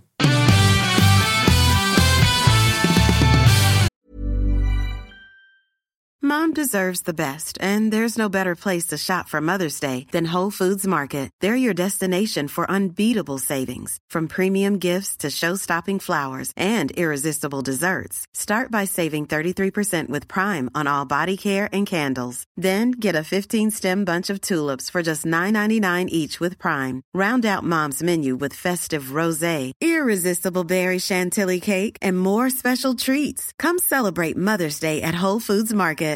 Ready to pop the question? The jewelers at BlueNile.com have got sparkle down to a science with beautiful lab grown diamonds worthy of your most brilliant moments. Their lab grown diamonds are independently graded and guaranteed identical to natural diamonds, and they're ready to ship to your door. Go to BlueNile.com and use promo code LISTEN to get $50 off your purchase of $500 or more. That's code LISTEN at BlueNile.com for $50 off. BlueNile.com code LISTEN. Mom deserves the best, and there's no better place to shop for Mother's Day than Whole Foods Market. They're your destination for unbeatable savings, from premium gifts to show-stopping flowers and irresistible desserts. Start by saving 33% with Prime on all body care and candles. Then get a 15-stem bunch of tulips for just $9.99 each with Prime. Round out Mom's menu with festive rosé, irresistible berry chantilly cake, and more special treats. Come celebrate Mother's Day at Whole Foods Market.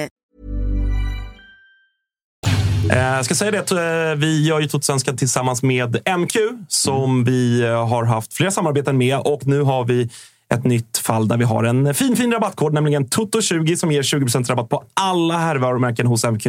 Både i eh, butik men även online. Gäller redan nu och gäller till den 4 oktober. Jag var inne i butiken på Fältöversten igår med Thomas Wilbacher och kollade lite på höstens kollektion. Mycket kashmir, mycket stickat, väldigt mycket snygga höstkläder.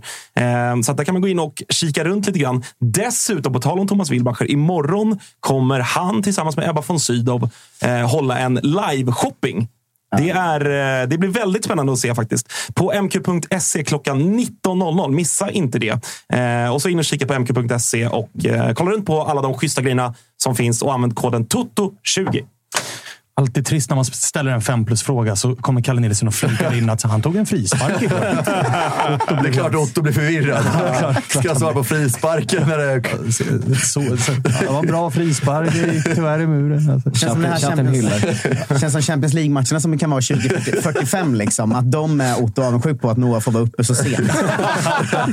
Det är, någon, det är någon som skrev, han har en “Har du spel på din mobil-aura?” Nej. Men mo- moget av honom ändå liksom göra den flytten liksom inom Ja, ja. svensk fotboll. Ja, Han ja. hade ju garanterat bud på sig liksom utifrån Europa, men ändå så här. Men, Det kittlade ju här borta hos Kalle när det började pratas om Manchester United. ja, verkligen. Ja, men det är fan bättre att flytta till Malmö än United. Alltså, det är fan det. Men när man, när man ser honom spela, jag tycker han är lite sån spelare som vi pratat om ibland, att man ser att när han bara lyckas få någon, någonting till upplåst så kommer det där bli så jävla bra. Alltså man ser att det, det krävs något lite till och sen så kommer det där vara en klassspelare. Alltså. Jag tycker verkligen man ser det varje gång man ser honom. Ser honom spelat så här. Det var nog bra, därför bra att göra flytten inom Allsvenskan. För att jag tycker han behöver låsa upp något till först innan han Jag är tycker, beredd tycker ta också att han, han liksom, tyvärr då, men så att han passar jävligt bra i Malmö FF. Att han, alltså, vi, vi skojar ju lite om att de var så himla pojkiga första gången vi ringde dem och allt det där. Det var nytt med allsvenskan och så. Nu är de så jävla självklara. Noah i Schweiz och, och, och Otto i Malmö. Men att han, jag tycker att han har liksom hittat så jävla fin balans i, i dels det här liksom speltekniska, spelskickliga som ju, som ju han hade i Mjällby, men som han, jag tycker att han har utvecklat ännu mer i Malmö. Och han får ut mer här Han får ut det här, har exakt, bollen. såklart. Men att han också har liksom... Ta det här rätt nu, alla skåningar. Han har liksom grisat på sig lite också. Han har blivit en lite jobbig jävel. och Han trycker på, han jiddrar lite och han, liksom, han har blivit tuffare på något sätt. Så att, eh, liksom, just den kombinationen, jag, jag tror också verkligen att han, eh, det kommer bli jävligt bra för honom i, i Malmö. Man hoppas ju därmed att han flyttar ganska snart, för annars kommer det bli en jävel man stör sig på gud, ganska ja. ofta. Exakt. Alltså, ju mer han drar till sig det malmöitiska plus det fotbollstekniska som man redan har. Det är en spelare man kommer störa sig Ja, på. ge det ett år så kommer när vi väl ringer och kommer jag bara sitta så här. Som jag gör med vissa andra Hoppas att han drar nästa sommar då. Ja, exakt. Så vi slipper komma så långt. Nu glömde jag fråga det, men jag har sett att eh, mycket Malmö-supportrar har ju anammat eh, Sebastian Eriksson-bråket. Att nu när han ska vara med oss är det många som är så här “pissungen”. Eh, Ja, så där. det har blivit hans Eh, nickname Det har blivit ett, det är ett nickname som går lite hand i hand med att börja bli mer och mer jobbig att möta med. Att det är pissungen liksom, som springer runt i Malmö Definitivt. och sparkar på smalben och är lite ful och sådär. Eh, vi ska snart ringa Per Frick. Mm. Innan vi gör det, Tapper, så kan vi väl ändå konstatera det vi var inne på inledningsvis. Att Peking, vad, vad, vad pysslar ni med? Ja, vi tog, Alltså, ni har eh, slutat spela, eller? vi När ni väl hade lite häng, då slutade ni. Det vet man säger alltid om man gjort en dålig match men varit bra i slutet. Alltså vi kan ta med oss sista 20. Vi valde att ta med oss hela Djurgårdsmatchen nu i resten av säsongen. För det här var, alltså det var så idéfattigt och inspirationslöst. Och det är ju, alltså vi ser ut som Mjällby brukar göra efter 20 omgångar när de är klara för att klara sig kvar. Liksom. Nu gör inte de det i år riktigt, utan det är vi som har tagit den, den bollen istället sprungit med. Och det var, alltså jag måste säga att eh, Vito, eh, Totte, eh, Victor Lind, alltså anfallet, det var så idéfattigt och dåligt att eh, man blev alltså, otroligt irriterad av att kolla på det. Det är återigen det är ett bevis på hur dåligt det är just nu. Att igen är ju Daniel Eid den enda som är någorlunda bra. Liksom, på hela, äh, Traustason är väldigt bra också, men han har ju liksom han har ju någon slags egen nivå i vårt lag. Sådär. Men, men jag är så förvånad av att äh, Se till exempel Totte Nyman var så anonym och, och Victor Lind som har varit så spännande hela säsongen och Vito som verkligen hade trampat igång fram till för några omgångar. Så där. Det, är, det, är verkligen, det är verkligen idéfattigt och dåligt. Bara allting. Och, dåligt ingripande av Oskar Jansson och Tolinsson ser lite förvirrad ut och Marco Lund är vi väl klara med snart. Och liksom, jag, jag vet inte, det kändes bara så här. Hur såg Karl Björk ut? Ja, men Han startade va? Ja, men man ser att han inte... Vad är han kallas nu igen? Eh, Carl Björk. Carl Björk. Björk. I all sin liksom, eh, en, enkelhet, men också Idioti. konstighet, Ja. idioti, så, är Jag det, tror ändå, faktiskt det var så jag- är det ändå briljant. Jag tror det var jag som myntade det för så här fem år sedan eller någonting. Ja, jag tar tillbaka allt. Eh, och sen, men nu är våran Bara officiella, våran officiella, vårt officiella konto har ju börjat skriva Carl, Carl Björk Björk. Eh, härligt ändå. Eh, nej, men det syns ju att han inte riktigt är i, i matchform och det tycker jag syns. Men ah, det finns ju spänning där och det finns en explosivitet i honom. Liksom. Men, det, men det händer inte så mycket. Och jag tycker överlag Sigurd Geirsson får ju hoppa in igen, vår nya islänning, och är spännande. Liksom. Och jag skulle vilja ha honom in från start. Liksom. Alltså, skit i de här lånen nu. Vi kommer ändå komma sexa. Vi kan lika gärna spela vår egen 19-åring istället. Jag, vi förstår inte riktigt strategin. Eh, sådär. Eh, och, ja, det, det känns tråkigt och fattigt. och så här. Det blir väl tillbaka där vi, där vi började säsongen på något sätt. Att jag i vinter får, får vara nöjd om vi kommer sexa för att det är väl ett bra steg. Men just nu, de sista sju matcherna känns ju helt meningslösa. Liksom. Men är det lite skönt eller är det bara ångest att det blev så här? Alltså är det lite skönt att säsongen är över? det Alltså, är inte på- ens inne i oktober. Liksom. Nej, det men så här, på ett sätt är det skönt om jag går in i mig själv i april, maj. Men det är ju inte skönt för mig nu. För att man fick ju ändå upp, som vi pratade om förra veckan, man fick ju upp lite hopp. Mm. Och så här, nu känns det ju bara tråkigt att vi slarvar bort den här säsongen och att eh, Ja, men även om vi vinner fem av de sju sista spelar inte det någon roll. Alltså vi kommer ju fem ändå. Det är liksom gapet är för stort till ens fjärde plats. Eh, nu känns det som. Eh, om inte Djurgården nu ska klappa ihop fullständigt. Då, men det, det har jag ändå svårt att se faktiskt. Så att, ja, det, det känns tråkigt och att vi är ju den follan som, som man säger, om man kollar in tabellen nu inför vi ska göra Tuttosvenskan tre gånger i veckan nu, sista sju omgångarna. Det är ju egentligen max åtta, nio lag som är intressanta och vi är ju verkligen inte ett av dem. Alltså vi är ju med Mjällby och Kalmar och Så tack för i år, Marcus. Ja, men det, det är ju så. Ja, liksom. ja, det, är, det är tråkigt att hamna där som supporter såklart. Och eh, jag säger att jag kokar på hela liksom, stan. Att det var årets sämsta publiksiffra. Vad var det? Svinmycket- eh, 5100 tror jag. Ja. Dött alltså. Ja, och eh, jättemycket folk som gick vid 2-0 till Mjällby. Och, eh, Burop på slutsignal som Ja. var eh, högljudda. Ja, och mycket interna tjafs om vad kurvan ska vara och att vissa inte sjunger och att eh, vissa håller på med sina mobiler mer. och att eh, jag vet inte, Det känns bara tråkigt och trött och dött allting just nu. Så att min, min enda, det enda jag vill säga väl till de IFK Norrköping-supportrar som lyssnar eller tittar på det här, att så här, vad fan, nu tar vi oss samman, går på resten av matcherna och så kan vi vara bra även om det är ointressant. Alltså, det är väl fan starkt om läktaren kan göra en bra ett bra slut på säsongen nu och växla upp lite snarare än att bara också checka ut. För det är så jävla tråkigt om vi ska göra. Men Eh, du, så eh, att med tanke, er. på, med tanke på den här eh, utcheckningen som är, med tanke på den fotbollen som har eh, spelats den här säsongen, rent liksom filosofimässigt och spelsystem och det taktiska, där det ofta har varit ett Peking som liksom, till och med hemma mot pisslag som IFK Göteborg och AIK stundtals har blivit utspelade och har man kontrat och legat på det där. Nu när det börjar öppnas en liten dörr som heter Kim Hellberg och det börjar tisslas och tasslas om att han ska lämna. Vad tänker du inför vintern? Att det är väldigt svårt att inte säga att Glenn har gjort ett extremt bra år i IFK Norrköping. Alltså det, Ja, men då är frågan, ska man låta han, liksom, men ska man låta han fortsätta tills det kraschar?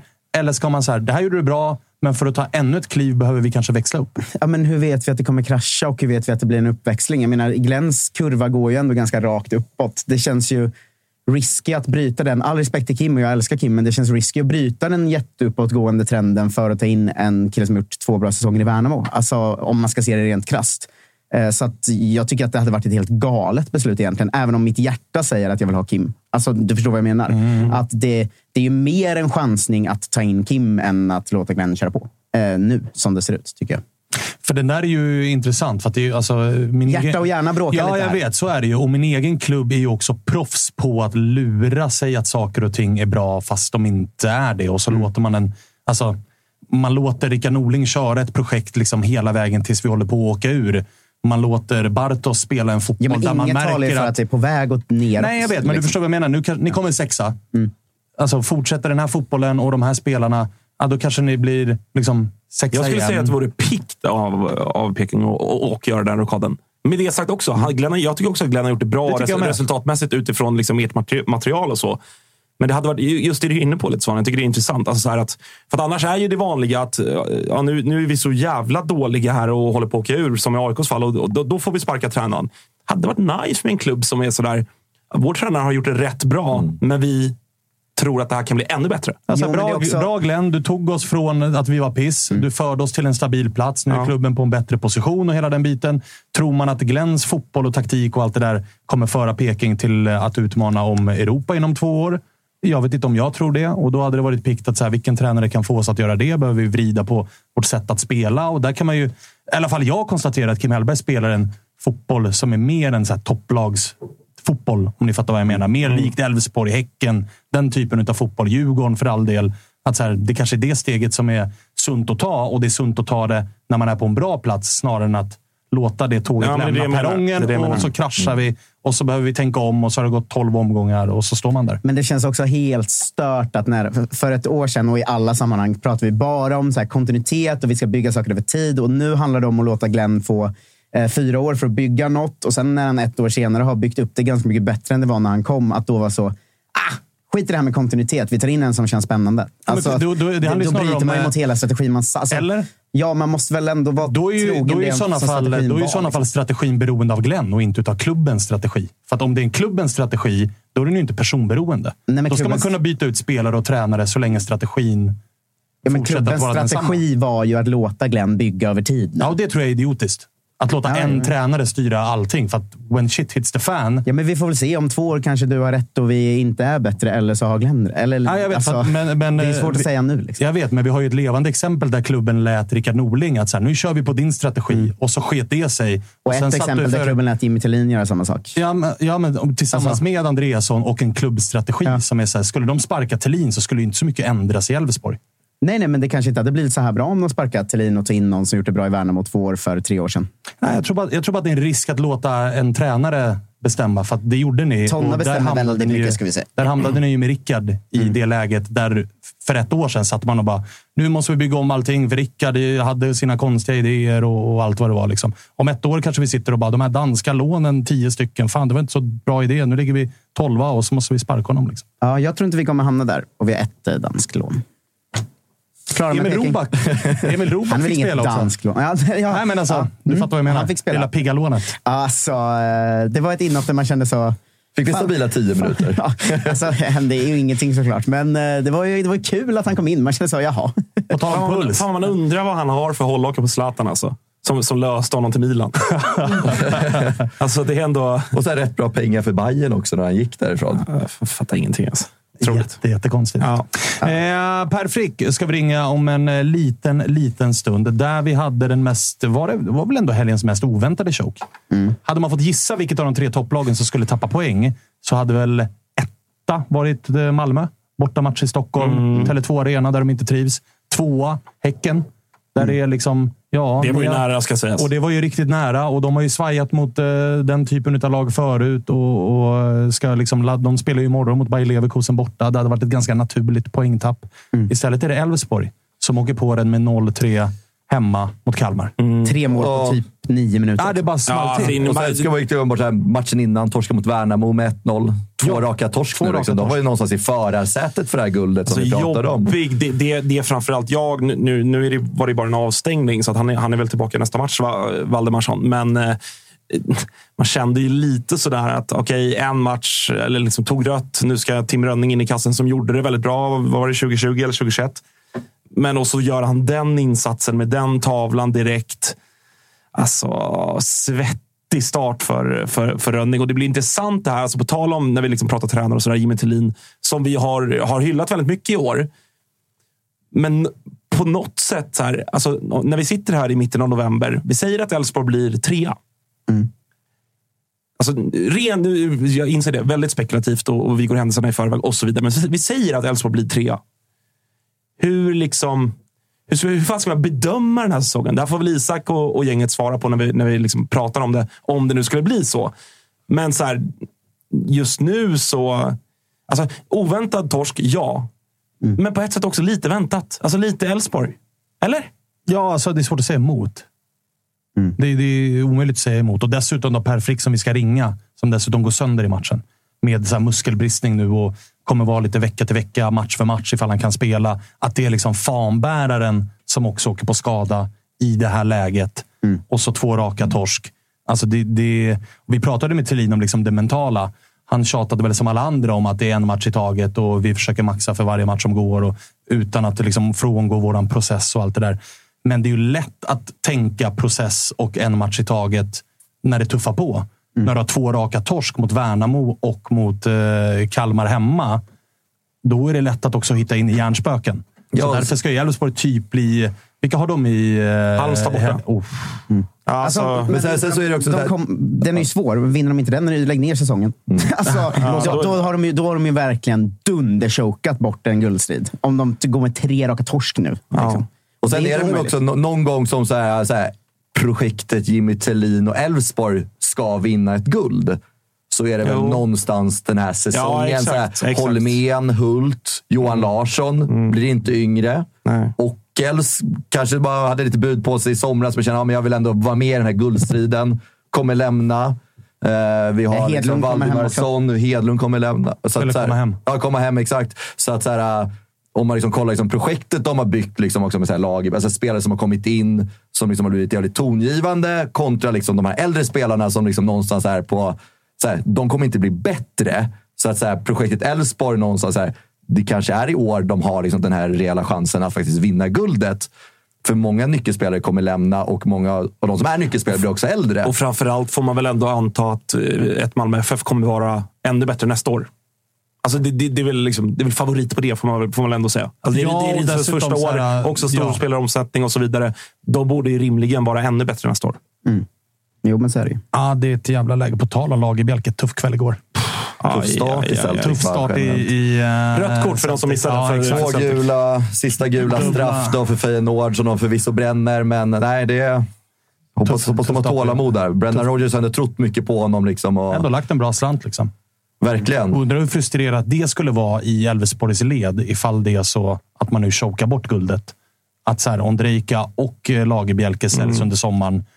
Om en av dem bara hade stannat, vad hade vi varit i för position då? För att det, jag menar, 3-0 hemma mot Kalmar efter nio minuter med en Lagerbjälke på plan.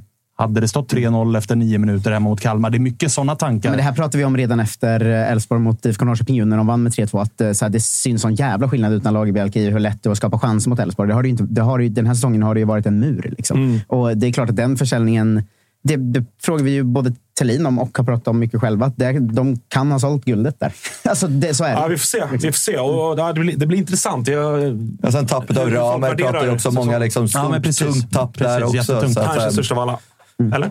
Ja. Inte helt fel. Det är i alla fall eh, liksom, eh, det, det, är det hipstriga valet. Ja, alltså, Elfsborgsgänget tycker att det är André Rönnberg de saknar. Precis. Mm. Eh, vi ska ringa Per Frick alldeles strax. Spången ska, ska pipa. Eh, pipa. också. Tack för idag. Eh, tack för idag. Vi, eh, Fan, hörs, till på söndag då. hörs och ses. Eh, innan vi ringer Per Frick så vill jag bara säga att det är Watchalong ikväll på Toto Live TVs kanal. Mm. Det är Champions League ikväll igen. Jag ska till exempel kommentera Real Madrid Union Berlin 18.45. Man ser ju allt ifrån Champions League på TV4 Play. Så se till att lösa ett sådant konto. Omedelbart, Freddy Arnesson, så missar du heller inte Bachelor in Paradise. Exakt. Och sen kommer vi också köra Watchalong på alla Champions League-matcher ja, ja, ja, i år. Det är sån jävla körning. Alla Champions League-kvällar, ska vi säga. Vi ja, skippar ju ibland 19.00-matcherna som idag, för vi kände att så här, en watchalong med Galatasaray FCK. Där vill man ju bara ha watchalong på stan, där jag såg att det var rörigt inför. Det var ju givetvis fyrverkerier utanför FCKs hotell till mm. exempel. Ja. Så att, eh, det, det, hade varit en mer eh, intressant eh, watchalong. Men ikväll kör vi igång någonstans 20.30. Mm. Och glöm inte för all del att ha second screen då med sändningarna ifrån TV4 Play så missar man inte någonting ifrån Champions League-bollen. Nu, Kalle Nilsson, kan du trycka på att ringa upp Per Frick. Så ska vi kolla till att börja med hur kroppen mår. Mm. Han var inne på att det var bland de värsta 20 minuterna han har spelat på Borås Arena. När han kände att jag kan inte hjälpa till. Alla byten är gjorda och nu är det match för match som gäller. Och, mm. och sådär. Och där, där, var vi inne på med Thelin också. Att så här, hur mycket vågar man riska? Hur mycket vågar man liksom, med tanke på läget man är inne i? Det, det lurigt, lurigt, lurigt eh, läge. Nu har vi eh, Per Frick med oss och vi kan väl börja med den frågan. Hur, hur mår du? Kroppen? Eh, jag har väl mått bättre skulle jag säga. Eh, drog ju på mig en skada här nu mot Kalmar senast, så det är klart att jag är bara några dagar in i den processen mentalt att eh, inse att jag kommer missa några matcher. Eh, är det så processen säger? För att vi såg er lagläkare som var ute och pratade om att vi kommer ta det här match för match. Liksom. Har du fått någon ytterligare diagnos på, på hur lång tid du är borta? Eh, det är ju en bristning i höften, så eh, i bästa fall tre veckor säger de väl. så att eh, Någonstans i mitt huvud så tänker jag väl efter landslagsbreaket där. Eh, men vi får se. Jag kanske känner mig bättre om, om en vecka. Det brukar kunna vara så med sådana där bristningar att helt plötsligt så, så känns det bra. Med tanke på läget som ni eh, ligger i nu, hur mycket är det liksom värt att eh, chansa lite med den här typen av grejer? Medan, alltså, I vanliga fall kanske det hade varit klokt mm. att säga jag tar fyra veckor, vi ligger sexa i tabellen, jag behöver inte stressa. Medan nu är, det, nu är ni där ni är. Ja, alltså hela säsongen har ju varit stress för mig att eh, komma tillbaka och sådär. Det är klart, personligen vill jag ju också spela alla matcher och vara med här nu i, i det här läget vi är i. Eh, sen är det klart att när man eh, gång på gång skadar sig och får något nytt så är det klart att man tröttnar på det också. Men eh, ser jag på det så kanske det är fyra matcher jag skulle kunna delta i eh, kvar på den här säsongen. Så det är klart att finns det en möjlighet att kunna hjälpa laget bidra med en kvart här eller tio minuter i någon av de sista matcherna eller vad det än nu blir. Eh, min dröm är väl att starta de sista fyra, men eh, oavsett så, så är det klart att jag inte kommer vara den som eh, tänker på nästa säsong eller så, utan eh, det får väl bära eller brista. Hur, eh, liksom, eh, om, om vi går tillbaka till eh, matchen som spelades, alltså, eh, vad, vad hände inledningsvis? Eh, inledningsvis så börjar vi ganska bra faktiskt. Eh, de som har sett matchen att första 10-15 så tar vi kommandot och skapar lite halvvassa chanser och det känns som att eh, det här kommer bli bra. Eh, jag satt ju på bänken och eh, tyckte det var en av de bättre starterna vi haft nu på ett tag. Eh, sen tar ju Kalmar ledningen. Ett, eh, ganska dålig, dåligt anfall, eh, eller defensivt för oss. Eh, ett skott och en retur vi inte går på, så helt plötsligt leder Kalmar. Och där någonstans så eh, stressar vi upp oss och känns som att vi, vi ska jaga ett kvitteringsmål allt för snabbt och spelare börjar göra lite egna bedömningar och vi går ifrån gameplanen och mer eller mindre ger bort två mål till i den processen och sen är det väl nästan kört. Va? Hur mycket av just det där har ni pratat om i efterhand? Att lära er av misstaget? Att, eh, vi pratade om det innan vi ringde dig, att det kommer att handla väldigt mycket mm. om psykologi liksom, nu när det återstår sju matcher. Att eh, ja. vara kyliga. Liksom. Men det är ju det, alla vet det där. Hur mycket mentalt fotboll är och eh, vilket läge man nu är i. Man är med i toppen eller man är med i botten. Och man tar ledningen och helt plötsligt så känns det som att det är hur lång tid kvar som helst på matchen. Eller eh, om man ligger under så ska man stressa och jaga ett kvitteringsmål. Och så, och så börjar man hitta på andra saker och, och stressar och jagar och allt det där. Det, det, alla, alla fotbollsspelare har varit med om det och alla vet om det. Ändå är det så svårt att, att förebygga det och, och ändra på det. Eh, men det är ju det, vi får inte helt plötsligt tro att vi ska gå ifrån det vi har bestämt oss för mot Kalmar. Eh, något vi gör första tio minuterna och, och liksom tar, tag, tar taktpinnen i matchen. Eh, sen helt plötsligt 1-0. Det är 80 minuter kvar att spela liksom. och eh, vi går ifrån det och helt plötsligt är det 3-0 i paus istället och ett helt annat läge. Hur lätt är det att inte dras med i... Eh, vi pratade också om att så här, var det något lag man inte trodde skulle tappa poäng av topp tre inför helgen så var det ju Elfsborg. För att Häcken mm. de har ju sin Europamatch och de har svajat lite grann i allsvenskan här på slutet. Malmö trivs inte så bra borta mot eh, Stockholmslagen och framförallt inte på, på Tele2 Arena. Elfsborg möter Kalmar. Kalmar som inte har särskilt mycket att spela för. Och jag menar, vi supportrar sitter ju gärna och liksom tittar spelscheman och vilka har lätt motstånd och sådär. Mm. Hur lätt är det att som spelare inte dras med i just det där snacket om att jo, men Kalmar är utcheckade och sånt? Nej, men eh, uppenbarligen är det ganska svårt. Eh, jag tycker ändå man ofta märker skillnad på detaljer när man möter eh, en toppklubb eller Malmö hemma och kontra kanske då Kalmar hemma i det här läget. Eh, man kan tycka det att vi borde vara extremt eh, skarpa nu i alla matcher som återstår och förhoppningsvis har vi lärt oss nu att eh, det, det finns inga lätta matcher i allsvenskan. Det är det alla, alla säger alltid och det har jag sagt många gånger också. Eh, ändå någonstans så brukar det tendera att man presterar lite bättre mot eh, de här så kallade topplagen. Eh, det, är det man inte får göra i de här lägena, utan eh, man måste ha respekt för alla. Just eh, i det här läget som du är nu, då, när du är, eh, kommer vara utanför matchtrupp i ett par, mm. par veckor här eh, framöver och det vi pratar om, det mentala. Du är en av de äldre, du är en av de mer erfarna och du är liksom spelande klubbikon och allt det där. Hur hanterar du läget du befinner dig i? Vill du ändå vara nära laget och i omklädningsrummet eller vill du ha liksom viss distans till det? och liksom det där? Låt grabbarna som ska spela sköta det. Mm. Nej, jag känner väl att man måste försöka bidra på något sätt eh, oavsett vilket läge man själv är i. Eh, sen om det är försöka vara positiv, ha lite energi i, i, mellan träningarna och allt det här liksom, och peppa och, och sprida en bra energi. Eh, det är klart att jag vill vara där, jag vill vara spela. Och det är väl det här jag har egentligen drömt om i, i tio år sedan eh, senaste guldet. Så det är klart att vara i det här läget och inte kunna bidra är ju som en mardröm för mig på ett sätt. Men samtidigt så är det ju stort som Elfsborgssupporter och få uppleva det också. Så att, eh, nu gäller det att bara bita ihop här sista sju och, och förstå vilket, oj, vilket läge vi är i. Eh, så eh, man får försöka vara positiv i det här läget. Du, vi pratade med Anton Saletros här tidigare. AIK är ju i ett helt annat läge utav eh, tabellen och spelar för ett nytt kontrakt. Och där pratade vi att de under uppehållet har varit på någon form av liksom teambuilding-aktivitet och kört Fångarna på fortet. Och han var inne på att eh, så här, fan, alla lag som går bra pratar alltid om lagsammanhållning. Att det har varit en stor nyckelfaktor till varför det går bra. Att folk fokuserar lite för mycket på taktik och mönster och spelfilosofi. Medan i grund och botten så är lagsammanhållning en stor jävla nyckel till varför man går bra. Hur har ni jobbat med den under säsongen? Har ni också gjort mycket så lagaktiviteter och grejer? Ja, vi, eh, på ett sätt så var det bra att vi åkte ur kuppen kanske eh, förra året. Då. Vi var inte med i gruppspel. Så det är klart, vi hade en extra lång försäsong och två träningsläger och lite sådär. Så det är klart att eh, vissa av de bitarna stämmer. Eh, där vi kanske blev ja, hade mer perioder där vi var på träningsläger och, och eh, gadda samman eh, och inte vara så mycket tävlingsmatcher tidigt. Så någonting är i det och jag tycker att eh, laget vi har i Elfsborg nu har haft ett, ett tag är väldigt eh, sammangaddat också. Så eh, jag tror det ligger jättemycket i det. Nu när vi är inne och pratar lite lagsammanhållning och sådär. Du berättar att ni har gjort mycket aktiviteter och sånt och byggt en stark trupp. Liksom. Hur mycket rubbas liksom, balansen i en trupp när man blir av med nyckelspelare som lag i Bjälke, pratar om André Ramer, Ondrejka, liksom, om man är en guldserie. Rubbas det mycket liksom, balansen i truppen när, när sådana spelare försvinner? Vi det är, det är viktiga spelare för Elfsborg, men liksom, mm. på träningsanläggning och...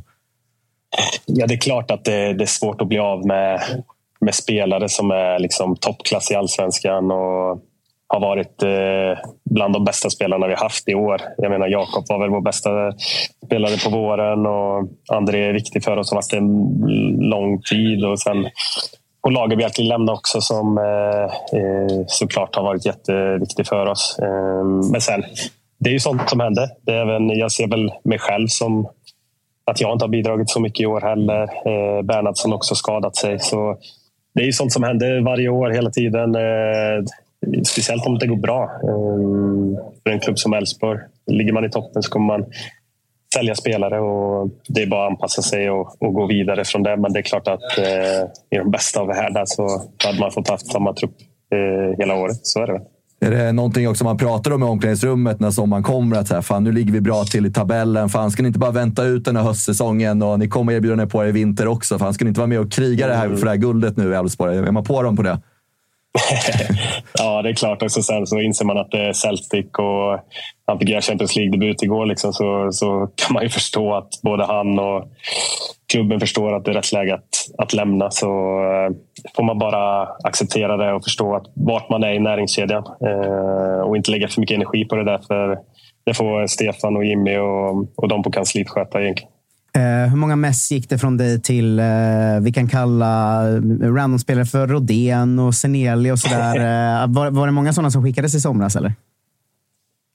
Eh, ja, men samma där egentligen. Det är klart att jag, Marcus är en av mina närmsta vänner. Det är klart jag försökte få hit honom. Eh, men eh, det är inte mitt jobb att, att få hit spelare eller sådär.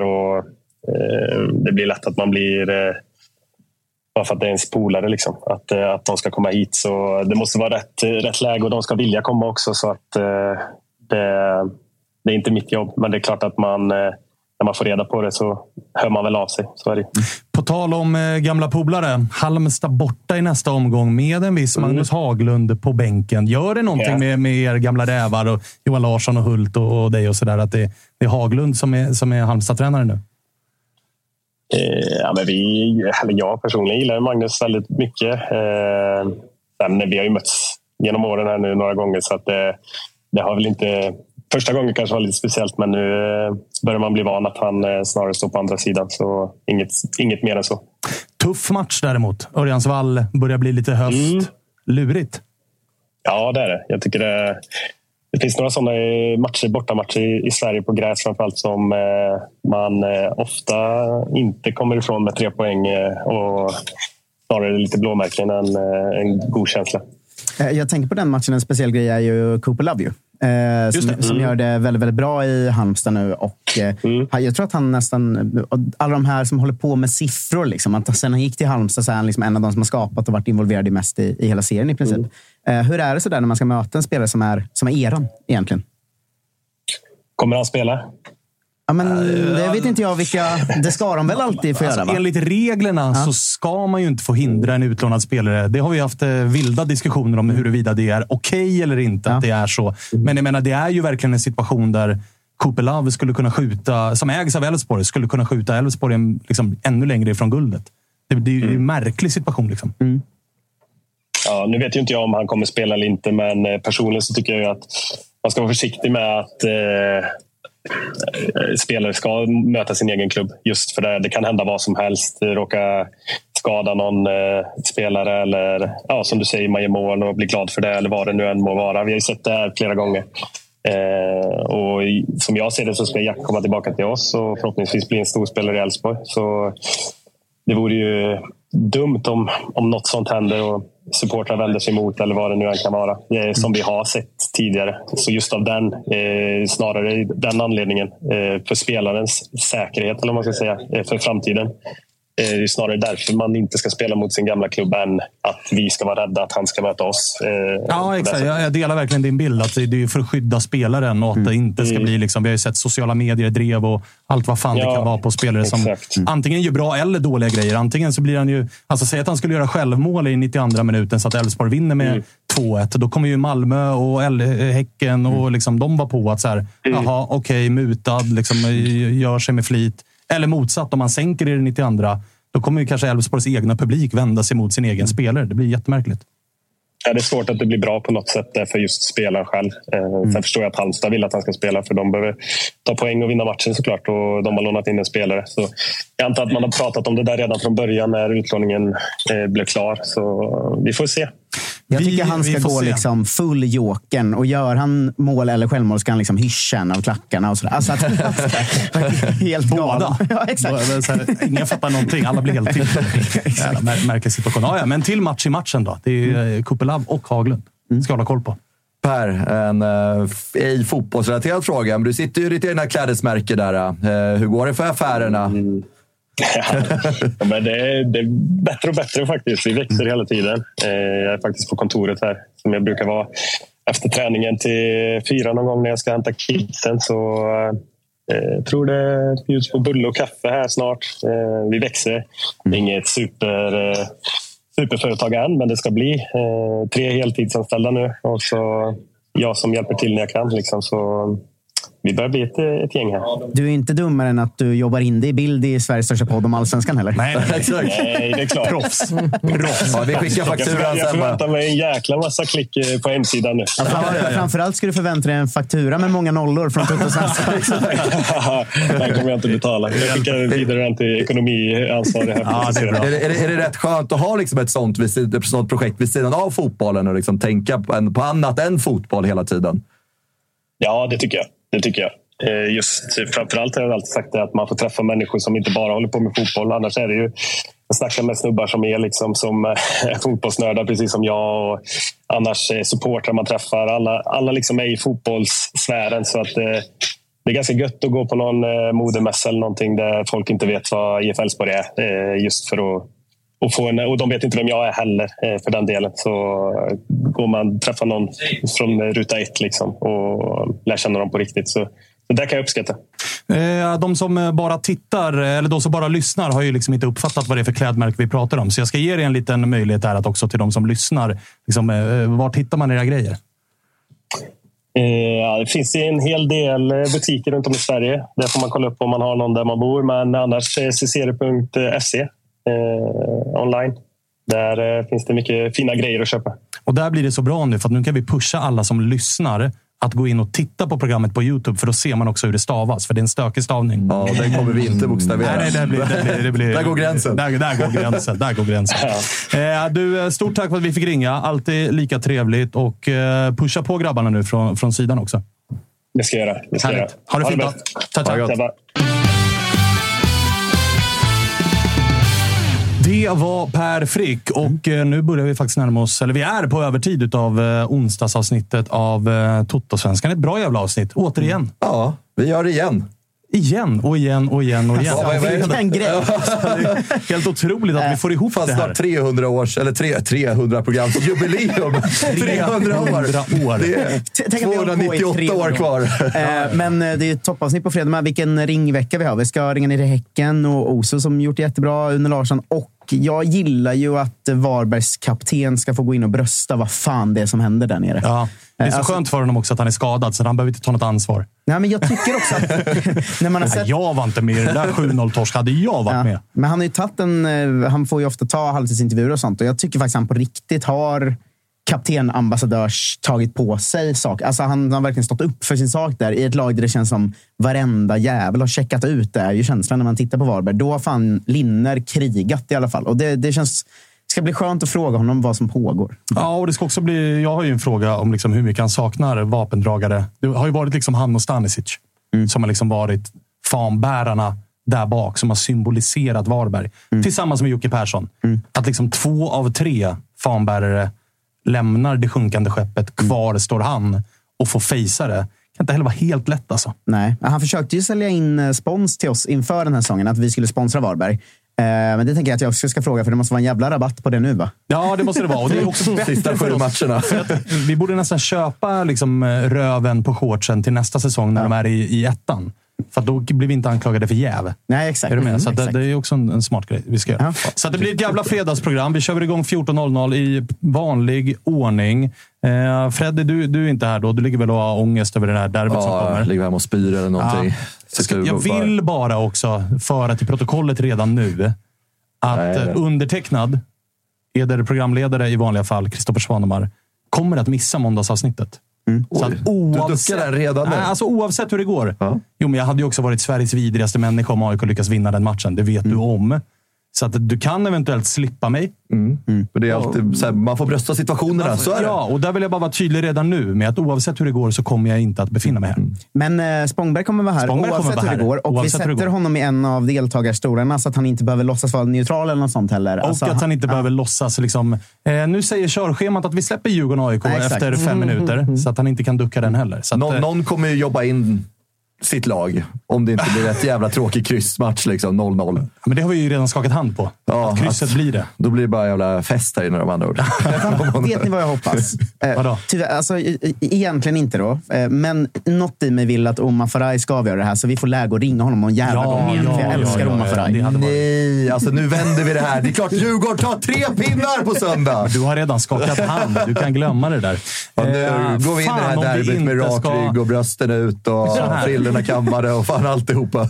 Ja, frillorna är kammade, det vet vi om. Men om, om, eh, om vi inte ska försöka rodda ihop någon halvstökig watchalong till söndag. Jag, jag kommer såklart inte delta och du kommer inte delta och inte Spången heller. Men eh, för er andra. Det hade varit otroligt om Spången skippar och går på derbyt. Lök i hela studio. Med, med Marcus Tapper och Ingo och Kalle. Men jag, ett jag, tvingar med mig, jag tvingar med mig Josip. Då har, vi två. Och så Ja, löser får- vi några ja, vi till. löser det. Vi löser det. Eh, någonting kan vi väl hitta på. Ja. För det är en jävla allsvensk söndag. Ja, men det är det verkligen. Ehm, topplagen spelar ju. eh, Malmö och Häcken också, va? Eh, spelar väl söndag? Jag tror. Eller, är det- nej, Häcken och Bayern är det nog också förresten. Ja, just det. Ehm, Bayern spelar borta mot eh, Varberg. Varberg ja, så det blir väl en precis. 46-0. Alltså startar, Djuka, startar Djukanovic, då är vi uppe och nosar på tvåsiffrigt. Då vinner han skytteligan i år. Han kommer ju, han kommer ju också skjuta på avspark. Ja, och troligtvis ribba in, för det är så han gör mål. Den jäveln. Fan, nu är det Eh, derbymage. Ja, jag tycker också det. Eh, Man behövde det här programmet idag för att komma igång lite inför söndag. Eh, Det vet jag inte om jag kan hålla med om, men det var ett jävla program i alla fall. Tack till alla er som hör av er, som lyssnar och som tittar. Berätta för mor och farföräldrar och buksvågrar och allt möjligt om Totosvenskan att vi finns. Och be dem liksom gå in och följa oss på Instagram och Framförallt Twitter. Och, bukisarna. och framförallt bukisarna. Ja, de ska in. Eh, in och kika på eh, lilla prenumerationsknappen också på YouTube. När man ändå är inne. behöver inte vara dumt, så får man Kanske en liten reminder. också, liksom, om man den, här på. lilla, den här lilla klockan. Då får man också en notis när så här, nu håller vi på att gå live här. Och så kollar man en Watchalong ikväll. donate-knapp man kan hitta också. En donate-knapp. Det vill säga skickar en sticker så får Kalle. du 200 spänn på Fan, det var kontot. Bättre, alltså chatten var bättre förra året på, på donera. Ja. Men det var för att vi krökade mer förra året. Ja. Ja, Det var liksom fredags Men nu är det bara jag. onsdags Ja, nu är det bara- bara jag. Det ska, det ska chatten veta att Svanen har gått in i någon sån 22-årig festera här, så det är väldigt spännande att följa. Men eh, Watchalong ikväll, eh, nytt avsnitt av Rule Britannia imorgon Mm. eh, och eh, också ho- Hockeytutto imorgon och vagnen har egen feed nu. Alltså det händer mycket grejer här på 26. ja, ja, herregud. Alltså, Nu är det full jävla gas. Vi eh, i Totosvenskan hörs igen på fredag. Hej då. Tack för en fin säsong, Kalmar.